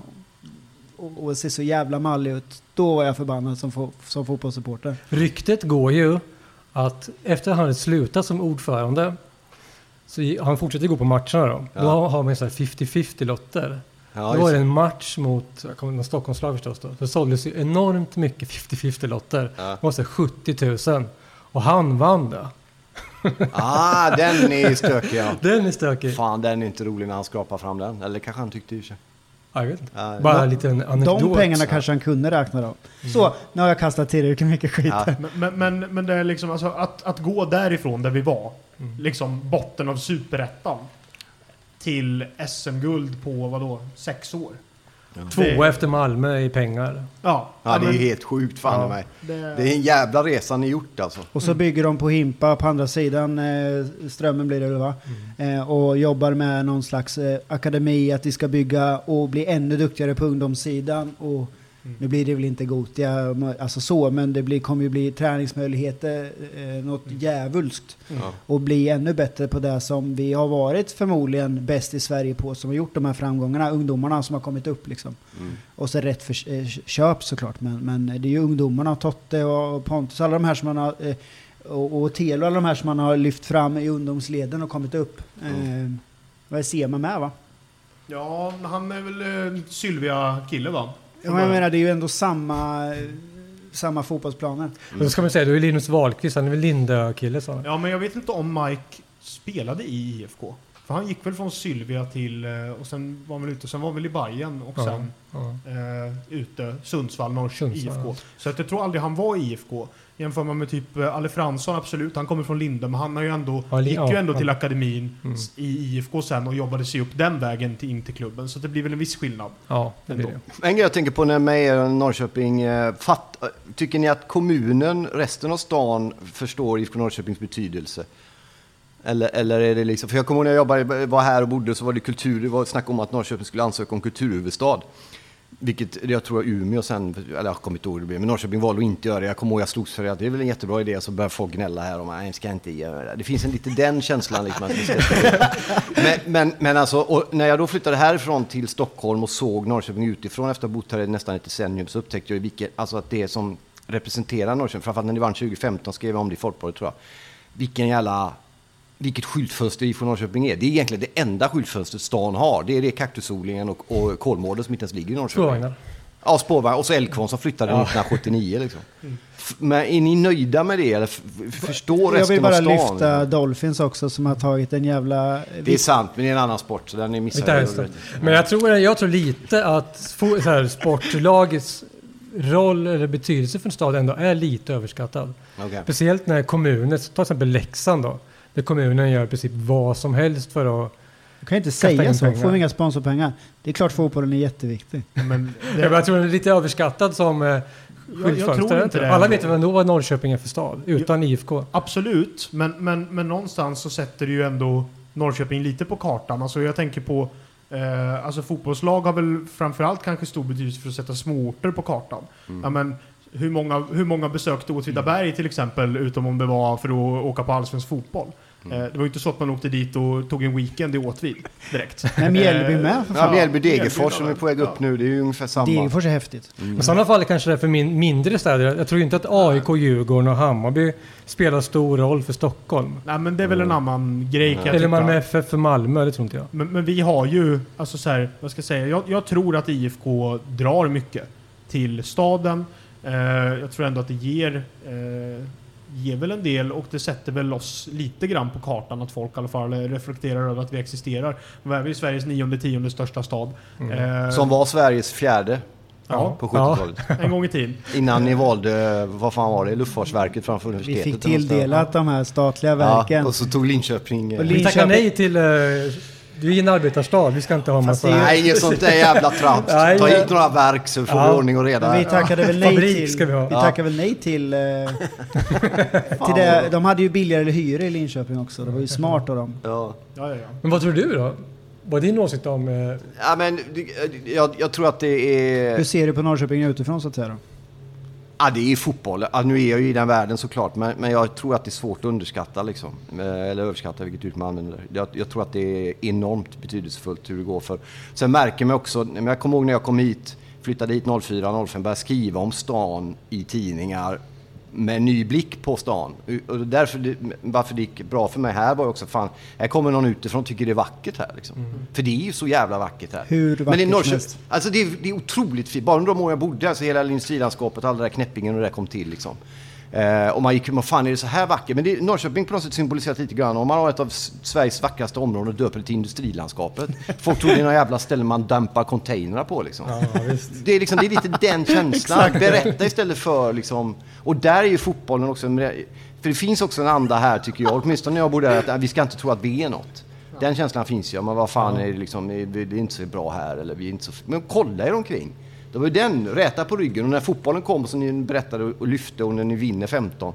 Vad det gör för, med stoltheten och ryggarna i den här stan, det går nog fan inte att värdera knappt. Liksom. Sen är det ju vackert, men det är också så när, när alla jobb försvann, jag säger inte alla jobb, men ni förstår vad jag menar. Då har vi alltså en av Sveriges bredaste gator, eh, Drottninggatan. Det är brett så inåt helvete och det är ödsligt. Och det där satt nog i jävligt länge tror jag. Eh, men nu eh, har vi ändå, nu är det på väg ner igen kanske, men, men nu, sen har vi haft en uppgång. Mer jobb. Det har hänt en jävla massa i Norrköping och om man ska prata om Norrköping som stad så tar ju Norrköping en djävulusisk massa mer ansvar för nyinkomna, alltså nytt, vad heter det? Nyanlända. nyanlända och liknande än vad Linköping gör till exempel. Och det kostar ju också pengar.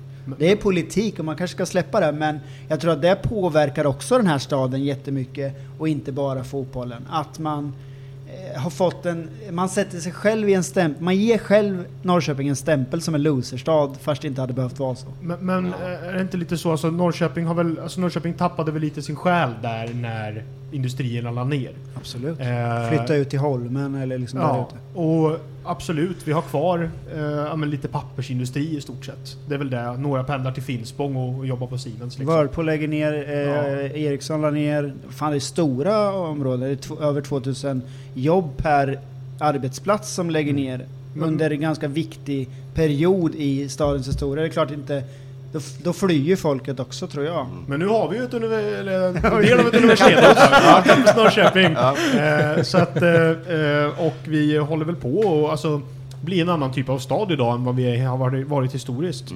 Och det är klart att det där är ju en ganska lång omställningsperiod från att vara eh, en av Sveriges största arbetarstäder liksom, till att istället gå till att bli en, någon form av akademikerstad med, med universitet och så vidare. Plus så att vi har Sveriges bästa fotbollslag nu. Ja. Men känner väl du igen lite grann som är från Göteborg? Att det är lite samma typ av stad? Ja, det var ju här- otroligt mycket som var likt när jag flyttade från Göteborg hit. Det var ju jättemycket man kände igen.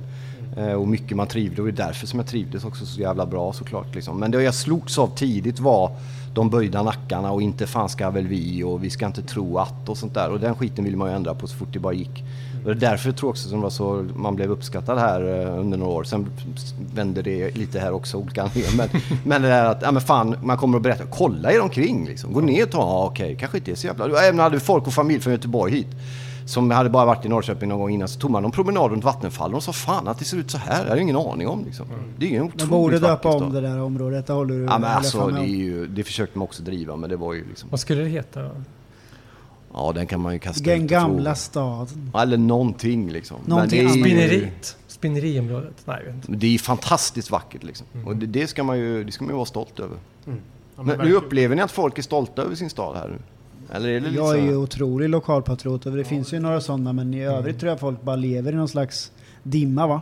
Ja. Ja, alltså jag, jag, jag tänker väl liksom på, på min generation i mångt och mycket är väl inte så, utan det är, jag upplever ändå att det är en del som, ja, men de, vill, de vill prova på något annat. Ja, men, jag har kompisar som har flyttat till Uppsala eller, eh, eller Lund, eller vad det kan vara, och börjat plugga och sådär. Och, och så. Själv så vägrar jag att flytta härifrån. Eh, och är, eh, är Men då är de inte från Malmberget utan de är från Norrköping. Det är ganska stort, ett stort ställe. Mm. Jag fattar ju om en person som Niva drar ifrån de östligaste av östligaste ställena där uppe. Jag har aldrig varit där så jag vet inte hur det ser ut men det, en sån person, en sån kreativ själ då är väl, eh, liksom, det är klart han söker sig därifrån. Det finns väl ingen anledning. Norrköping är ju ändå också det får tillräckligt nära det svarta hålet Stockholm för att liksom kunna attrahera folk att bo här. Men då måste man ju berätta hur vackert Det här nya och- tåget är ju... en- Ja, förhoppningsvis. Ni måste stanna här sen liksom. Ja, men, Alltså vi har ju väldigt stort problem med att vi har väldigt många människor i stan som håller på Stockholmslag. Är det så? Har vi det nu? Ja, okej. Ja, det jag vet är att ju- Uppsala hade när jag var i Sirius pratade de mycket om det. Men eh, ja, Jo, jag, jag, Pekingbajar är ju ett eh, fenomen. Eh, Några av mina Okej. närmsta kompisar, de är ju, håller ju på Stockholmslag. Men är det alltid olika eller är det bara Hammarby? Nej, det är alla. Djurgården är minst antal djurgårdare, sen är det nog hugget som För de har ju stucket oftast AIK. flyttat hit. De andra är ju faktiskt Nej, födda här. nej, de är födda Ja men de som håller på Djurgården i stan, de har oftast flyttat hit. Medan Ja, AIK och Bayern, de som håller på dem, kan ju ha varit födda här. Och det är De är jättekonstigt. födda. Ja, det är ju Jättekonstigt. Hur fan kommer det sig? Det, var, Det är ju fel ju- på dem! De Det är är fel ju på dem! i min ålder, 40 typ. Ja, 39 är förresten. Och då var väl IFK inte så jävla hippt liksom. Det var 3000 på läktaren, men det var väl full, 10 000 i Stockholm kanske då. Mm. Och Black Army var tuffa och bayern fans var tuffa. Men det är ändå SM 89 va? Ja, det var ingen klass. Säger en del om hur viktigt Nej, det var ju supportrarna är. jävla år. Ja, det var ju, ja. Säger en del om hur viktigt supportrarna är istället för själva fotbollen. Eh, för det var ju inte så att Norrköping spelade dålig fotboll, men vi hade 4000 på läktarna. Och Bayern kom hit med betydligt fler, men de kunde ju fan inte spela Ja, vi hade ju fotbollen jämfört med oss. Nej, nej. Hemma liksom. Men ni stod ju upp bra i finalmatchen mot Djurgården då tycker jag. Fansen, Ja. Peking-fans. Det var lite stökigt vid några hörnor och Väldigt sånt. Ja, mycket det var- bättre än dem, men det är klart att när de får vind i seglarna. Det är också så här märkligt. När vi tog SM-guld, då eh, fick eh, eh, Rosenberg eh, totalt hjärnsläpp och tar eh, ett rött kort. Och så får de ett till rött kort senare. Och vi leder med, med vad är det, 3-0? 2-0? 2-0 leder vi med. Och också, 1-0 ledde vi med. Ja men vi får ju 2-0 också 2-0. innan. Och det är också så jävla märkligt. Det är som att det är någon som har regisserat hela dagarna Ja. kring de här två olika gulden. För det var ju det där, det var ju sista minuten. Han blåste ju av direkt efter avsparken. Den legendariska kommenteringen av Lasse Granqvist där när han eh, vänder eh, på sista raden. när Han säger, så får Traustason chansen att rulla in guldmålet. Och han vill springa hela vägen hem till han Östergötland. Arning? Nej. Är han häftigast eller? Vem är häftigast kommentatorn i, i Sverige? typ? Granqvist tycker jag är fantastisk. Eh, Sen jag tycker Irma Helin är ju ny in på Dplay. Tycker jag är som expert mer. Hon, hon är i studion, hon är riktigt bra. Gammal fotbollsspelare också. Ja. Eller får man säga gammal kan man Nej, säga. hon la ju av sent och la av förra året. Så hon är ju rätt ny in. Men, och tjej också i media. Det är ju liksom Fräscha åsikter, får man säga så? Ja men det har hon. Hon vågar stå för. Hon är jävligt... Vi hade en, eh, jag var inte med själv i programmet i veckan här. Men hon är liksom eftertänksam och jobbar ju och har sån jävla koll på fotboll. Hon är grym tycker jag. Sen gillar jag ju Niklas Jarelin för han är så jävla konstig ibland. Liksom. Han är tråkig röst tycker jag. Men, Ja men jag vet många tycker han är skittråkig. Men han är Ja. konstig och deprimerande och läser. Vad tycker du om... För jag tycker att det finns två stycken. Innan vi började, eller jag tryckte på räck, eh, så sa jag att det finns väl två stycken personer som jag eh, ser är annorlunda än alla andra. Ja. Och som kanske lyfter upp andra frågor än sta, eh, forma, alltså formationer och sånt. Fan om du hittar två. Alltså, jag hittar ingen. Jag tycker det är så jävla Jo, stressigt. men du är en av dem. Eh, Ja, och den andra är ju. Niva då. Alltså, Ja. så. Men Niva är ju... Alltså Niva är ju...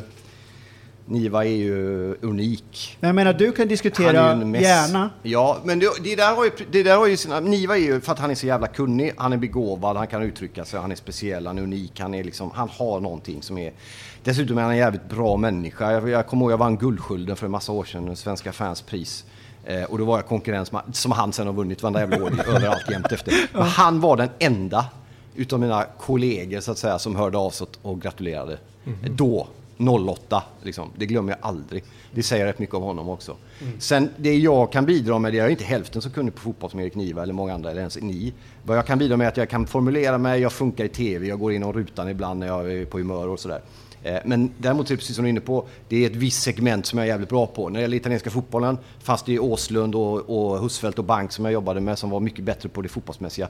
Men jävligt få kan slå mig på fingrarna och beskriva hur det känns att gå och ta en kaffe på ett torg i Verona Exakt! inför matchen. Tack, men men den där exakt. skiten går ju fram och tillbaks. Det där är ju stenute nu. Nu men du här- somnar ju inte. Nej, nej, det du men, men, men nu är det ju andra grejer som folk är intresserade av. Nu är det statistik, det är spindelnät och det är expected goals och det är fotbollslabbet och det där. Och, och, det, och det, om fem år så har pendeln kanske slagit tillbaks igen. Men nu är det folk helt ointresserade av hur kaffet smakar i Verona. Man vill veta hur många målchanser som ett lag borde ha gjort mål på eller vad fan det är de går igenom. Jag, jag är, fattar ingenting av det där. Det är matematik för mig, jag hatar den skiten. Men, men det är så som det, pendeln går ju liksom i, i olika vågor och det är där vi är just nu. De letar rätt på när eh, till exempel eh, Norrköping har aldrig förlorat på en onsdag. När, när eh, sol, eh, vad säger, stjärnorna har stått på den här Ja, himlakroppen. exakt. Vem fan bryr sig om det? Det är väl roligare att veta vad Pirlo käkar till frukost. Det är Nej, men många, många är, just nu är det det som folk är intresserade av. Nej, jag, jag, Nej, Men alltså inte det, jag. det är ju just därför jag, Nej, jag heller, men många. uppskattar Studio Allsvenskan så mycket. För att, och, och framförallt eh, dig Biro, att du väldigt ofta lyfter upp de perspektiven. Ja men det blir annat underhållningsvärde att lyssna på det. För annars blir det samma, de andra grejerna görs redan. Man kan man kasta in någonting liksom om, jag hade Jesper Jansson idag, han pratade om en jävla O'boy, fan du har ingen koll på det, eller hans son hör av sig plötsligt på något, nej. Försöka bryta in med lite andra grejer. Men, men och det funkar där ibland, jag tycker ibland vi borde kunna göra det mer. Men i TV, menar, Axén är ju den som ska vara det, men han, det är ju ingen som, han har ju också blivit som alla andra. Liksom. Ja. Nej, och... Följer normen. Som jag var inne på. Ja, och jag förstår för att Som om du ska, alla ska vara. ska du bryta normen så får, måste du liksom vara jävligt stryktålig också. Som min Göteborgs kollega till dig, Glenn Strömberg, som var så hyllad för. Det är ju väldigt många som tycker det bara säger självklarheter nu Ja, men det, ja. Och, och, men, men eh, Fantastisk människa för övrigt. Jag har hört Ja. historier om hur han har hjälpt supportrar ute i Europa. ja, och även i, i med med biljetter och allt möjligt skit och komma Ja. in på ställen och så. Nej, men han är grym, men det, det är liksom, sen har han ju varit med i, vad fan, du är född 98 tror jag. Han, han, han började 97 tror jag, inom för-VM där, så han har hållit på i 25 år liksom. Men, eh, men, eh, nej, men med all respekt, det, det är så det ser ut nu liksom. Och det är fotbollslabb, som, det är matte som räknas liksom. Siffror och skit. Ja, det är ju faktiskt en tråkig utveckling. Ja, jag tycker också det är skittrist, men eh, vi får väl vänta till pendeln slår tillbaks. Liksom. En annan grej som kan vara jättebra. Jag har suttit ett tag, men jag, Ja. jag, jag brinner ännu mer. Ja, det är bra. Jag Om börjar bli helt snurrig här för jag har varit igång, men det är bra. Eh, en annan grej som kan vara jättedåligt eller jättebra. Vad tycker du om de här nya eh, hur det nya Europaspelet kommer se ut för, för lag från Sverige till exempel? Nej, men det är framförallt ett underbetyg åt svensk fotboll att vi inte har liksom lyckats prestera bättre, att vi kommer hamna i någon sorts jävla Europa League B. Man tar väl sig aldrig upp till A då? N- nej, och det, jag pratade med Jesper Jansson idag om det och andra sportchefer också. Det är ju bara svensk fotboll och sig själva att skylla. Hur man har misshandlat u serien genom alla år, hur dålig man har varit, hur sen man är på bollen när det gäller ungdomsakademier. Det är ju först sista åren som de har vaknat till på det. Liksom. Vi får skylla oss själva med det för att vi är för dåliga helt enkelt. Men att man, man kan inte komma upp från B till A. kan Nej, man egentligen, säkert, men ja, det är men det, svårt, det blir ju ännu svårare än vad det har varit för att kvala in till Europa League. Liksom. Men det har ju bara med att de inte har lyckats med det innan. Det går inte att skylla på något liksom.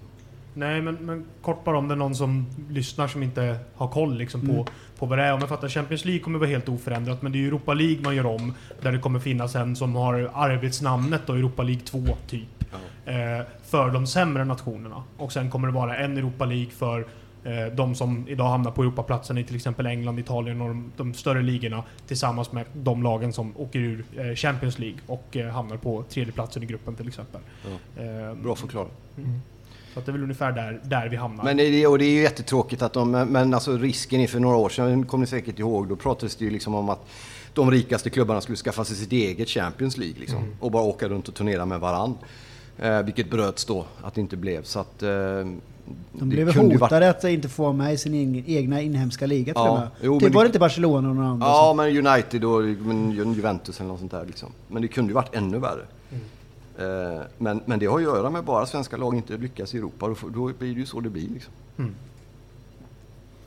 Ja, nu ska vi runda av här strax. Eh, Vi har ju några tittarfrågor, eller lyssnarfrågor heter det. Eh, och, eh, den ena har vi nästan svarat på, men... Var det några som var arga på den?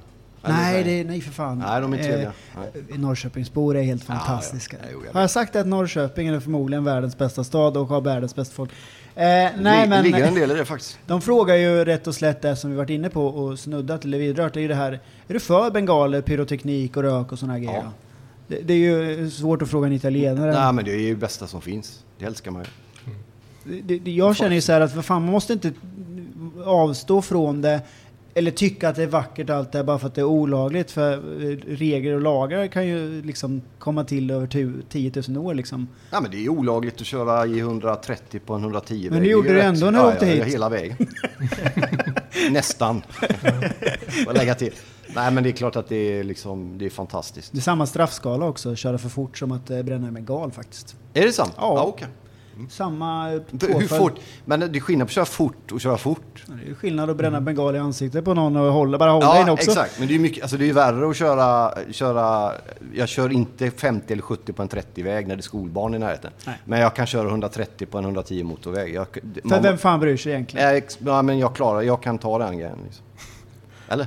Ja men om du åker dit på det så säger du så här, "Ah, tough luck, det är inte en plura-grej så här, "Ja, jag kanske tog lite kokain. Nej, nej. Jag är bara... så jag, jag, mitt, varför gör jag det? jag har körkortet på prövotid dessutom slog det mig nu. Så jag, Patrik Sjöberg åkte dit häromdagen. ja, Och så för fortkörning. Ja. Och då hade han ju sagt, eh, han hade kört, jag kommer inte ihåg exakt hur hastigheten var, men då hade jag ju polisen, eh, erkänner du? Så, här, Nej, men jag har inte kört för fort. Jo, men jag har ju bevis på det. Så här. Nej, vi göteborgare, vi är alltid oskyldiga. Så, fan vad bra! Ja, den ska jag också ta alltså. End of discussion bara. Jag är Så kör man därifrån. Så om du blir stoppad och åker hem med imorgon. Ja, Jag är göteborgare, jag är Ja. oskyldig. ah, okej. Okay. ja, men Ja, låt, men då kan du dra låt det vara för den här gången. Ja, den är ju svår att svara på. Ja, Alltså. den är jättebra. Fan vad stort. Skriver du någon poesi idag?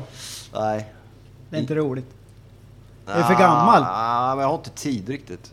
Jag försöker skriva om eh, Karlsson Lagemyrs skada idag. Jag försökte väl göra den lite poetisk och fin. Typ. Men, men inga dikter sådär. Det var länge sedan. Då. Varför tjafsades det med Schulman? Det var inte för att han eh, köpte Ah. Är det en tavla. lyssnarfråga eller är det din fråga? Nej, säger jag inte.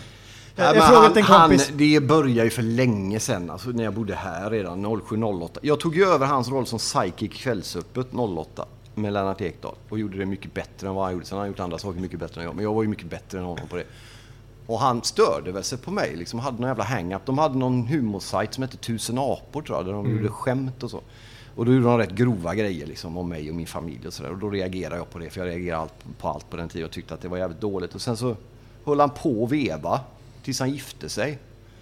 Har jag förstått. Att hans fru sen sa du får släppa den där jävla Marcus Birro-fixeringen liksom. Och sen dess har det ju varit lugnt liksom. Sen, köpt, ah, sen har han blommat ut igen och fått återfall i det där med den där jävla tavlan och sånt där. Det är ju en mobbare i grunden. Liksom. Ja, men jag Ja, skulle det säga han är ju... Han har ju tjänat massa följare på att vara en mobbare. Jag, har inga problem med mobbare egentligen på det sättet. Men däremot så kan jag ju tycka att en massa människor köper hans böcker och går på hans föreställningar och lyssnar på hans podd. Och, och då framför både vanligt folk och sådär, människor som retar sig om deras barn skulle bli mobbade på skog om man älskar Alex Schulman och inte ser sammanhanget. Eller kulturvärlden som lyfter in honom nu på, på liksom, och, och låter honom vara med överallt och sådär. De glömmer rätt snabbt.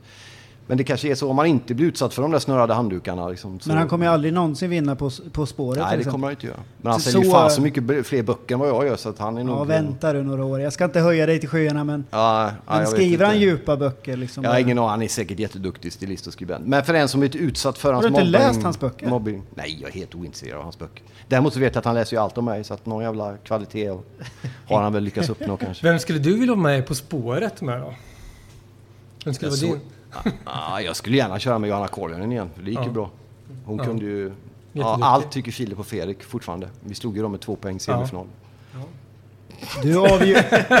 De är fortfarande... Ja men det blommar ut någon gång. De har ju tusen program i veckan i kanal 5. Så det, var, någon gång per säsong så börjar jag surra med, jag kollar aldrig på de grejerna. Men ja, de är på igen nu på, på, ja, på dig i kanal 5. Vilka då? Ja, Filip, ja okej.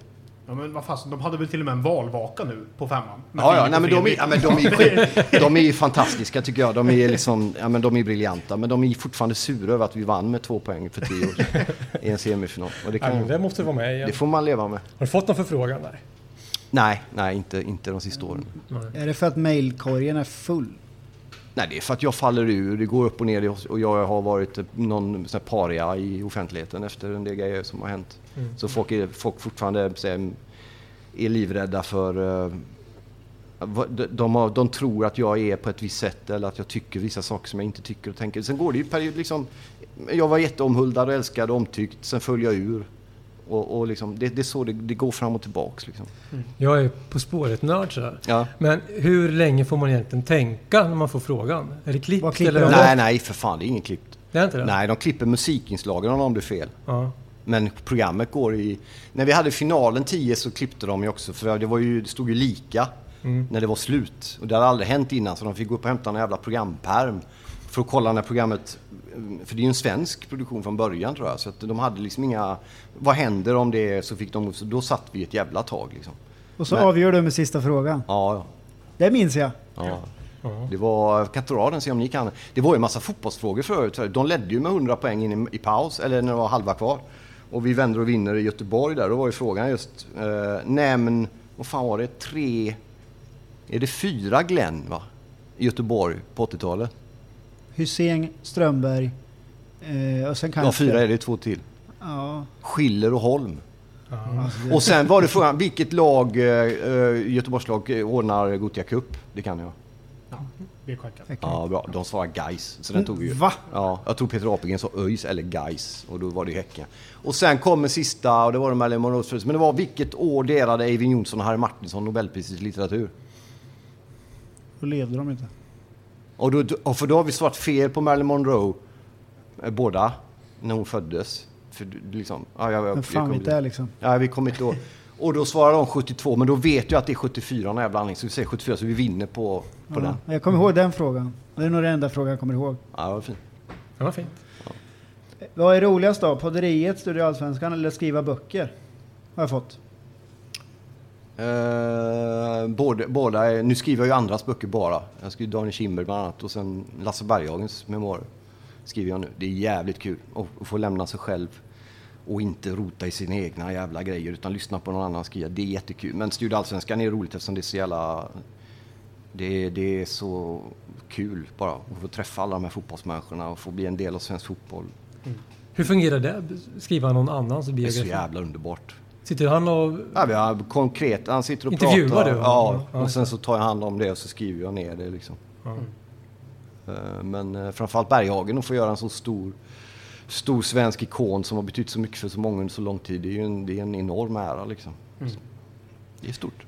Jag tänkte att vi... eh, Jag, jag tar det här in- initiativet nu att vi ska avrunda. Ja. Du försökte förut men Mm, det gick inte. jag, sket, jag sket i dig och dina känslor. Eh, vi ska avrunda med lite Göteborgsskämt. Ja, bra. Eller hur? Ja, ja. Det är alltid roligast. Ja, det är riktigt. Och då eh, tog jag, var en av dem som tog fram, eller jag fan var ensam, men tog fram eh, Snokas segerhonung. Jaha, okej. Eh, året efter guldet, eller om det var året vi tog guld. Eh, där står det med bismak av guld, den här ska du få mig. Ja. Eh, jag tyckte det var kul med bismak av guld. Ja, du, åh, den fattar jag inte Eh, ens. det surras rätt mycket kring Snoka numera. Som en bisyssla har vi därför gaddat ihop oss med Kjell Magnusson som gjorde den här ordningen då. Ja. Idag är det Olof eh, som gör den istället, en vän till oss. Och, eh, där står så här, han har tagit fram en närproducerad ekologisk segerhonung med sting i. Ja. Eh, vi ses på parken Just Be There. Ja. Och sen står det säkert andra roliga Fan, grejer jag här. tycker det är roligt med ordvitsar. Och här får du den, varsågod. Ja, stort tack så mycket. Men Det så, måste man ju tycka som göteborgare. Ja, men fan det är ju roligt ju. eh, Vet du vad, jag brukar dra en som de drog. De drar ju den för de tycker det är roligt. Men vad fan var det nu då? Vet du hur många grönsaker det är på en finlandsfärja eller något sånt där? Skitdålig på att berätta. Men hur många, hur många, Hur många grönsaker hur finns det? grönsaker är det på finlandsfärja? En persilja. jättedåligt. Det här skrattar förlorar mellan göteborgare. Det måste du säga. Det är bara jag som tycker det är roligt. Ja men stort tack. Ja, men det är roligt. Stockholmslagens favoritsmör då? Vad sa du? Stockholmslagens favoritsmör. Ja, De är så jävla krystade också. Liksom. De- Det här är alltså med Göteborg, eller vad säger man, med östgötsk dialekt du ska ja. säga det. Nej, jag har ingen aning. Förlora. Ja, jag förlorar grejen där. Ja, den är också rätt bra. Har vi något mer eller? Jag, ty- jag kan inte sluta De är garva. roliga. Men är den här från eh, fem år gammal den här eller? Nej, den där är Eller gjord ny. i veckan Ja, av okej. eh, en vän till oss som bor eh, i Svärtinge utanför Norrköping. Så Ja. den är närproducerad och helt ekologisk. Ja, bra.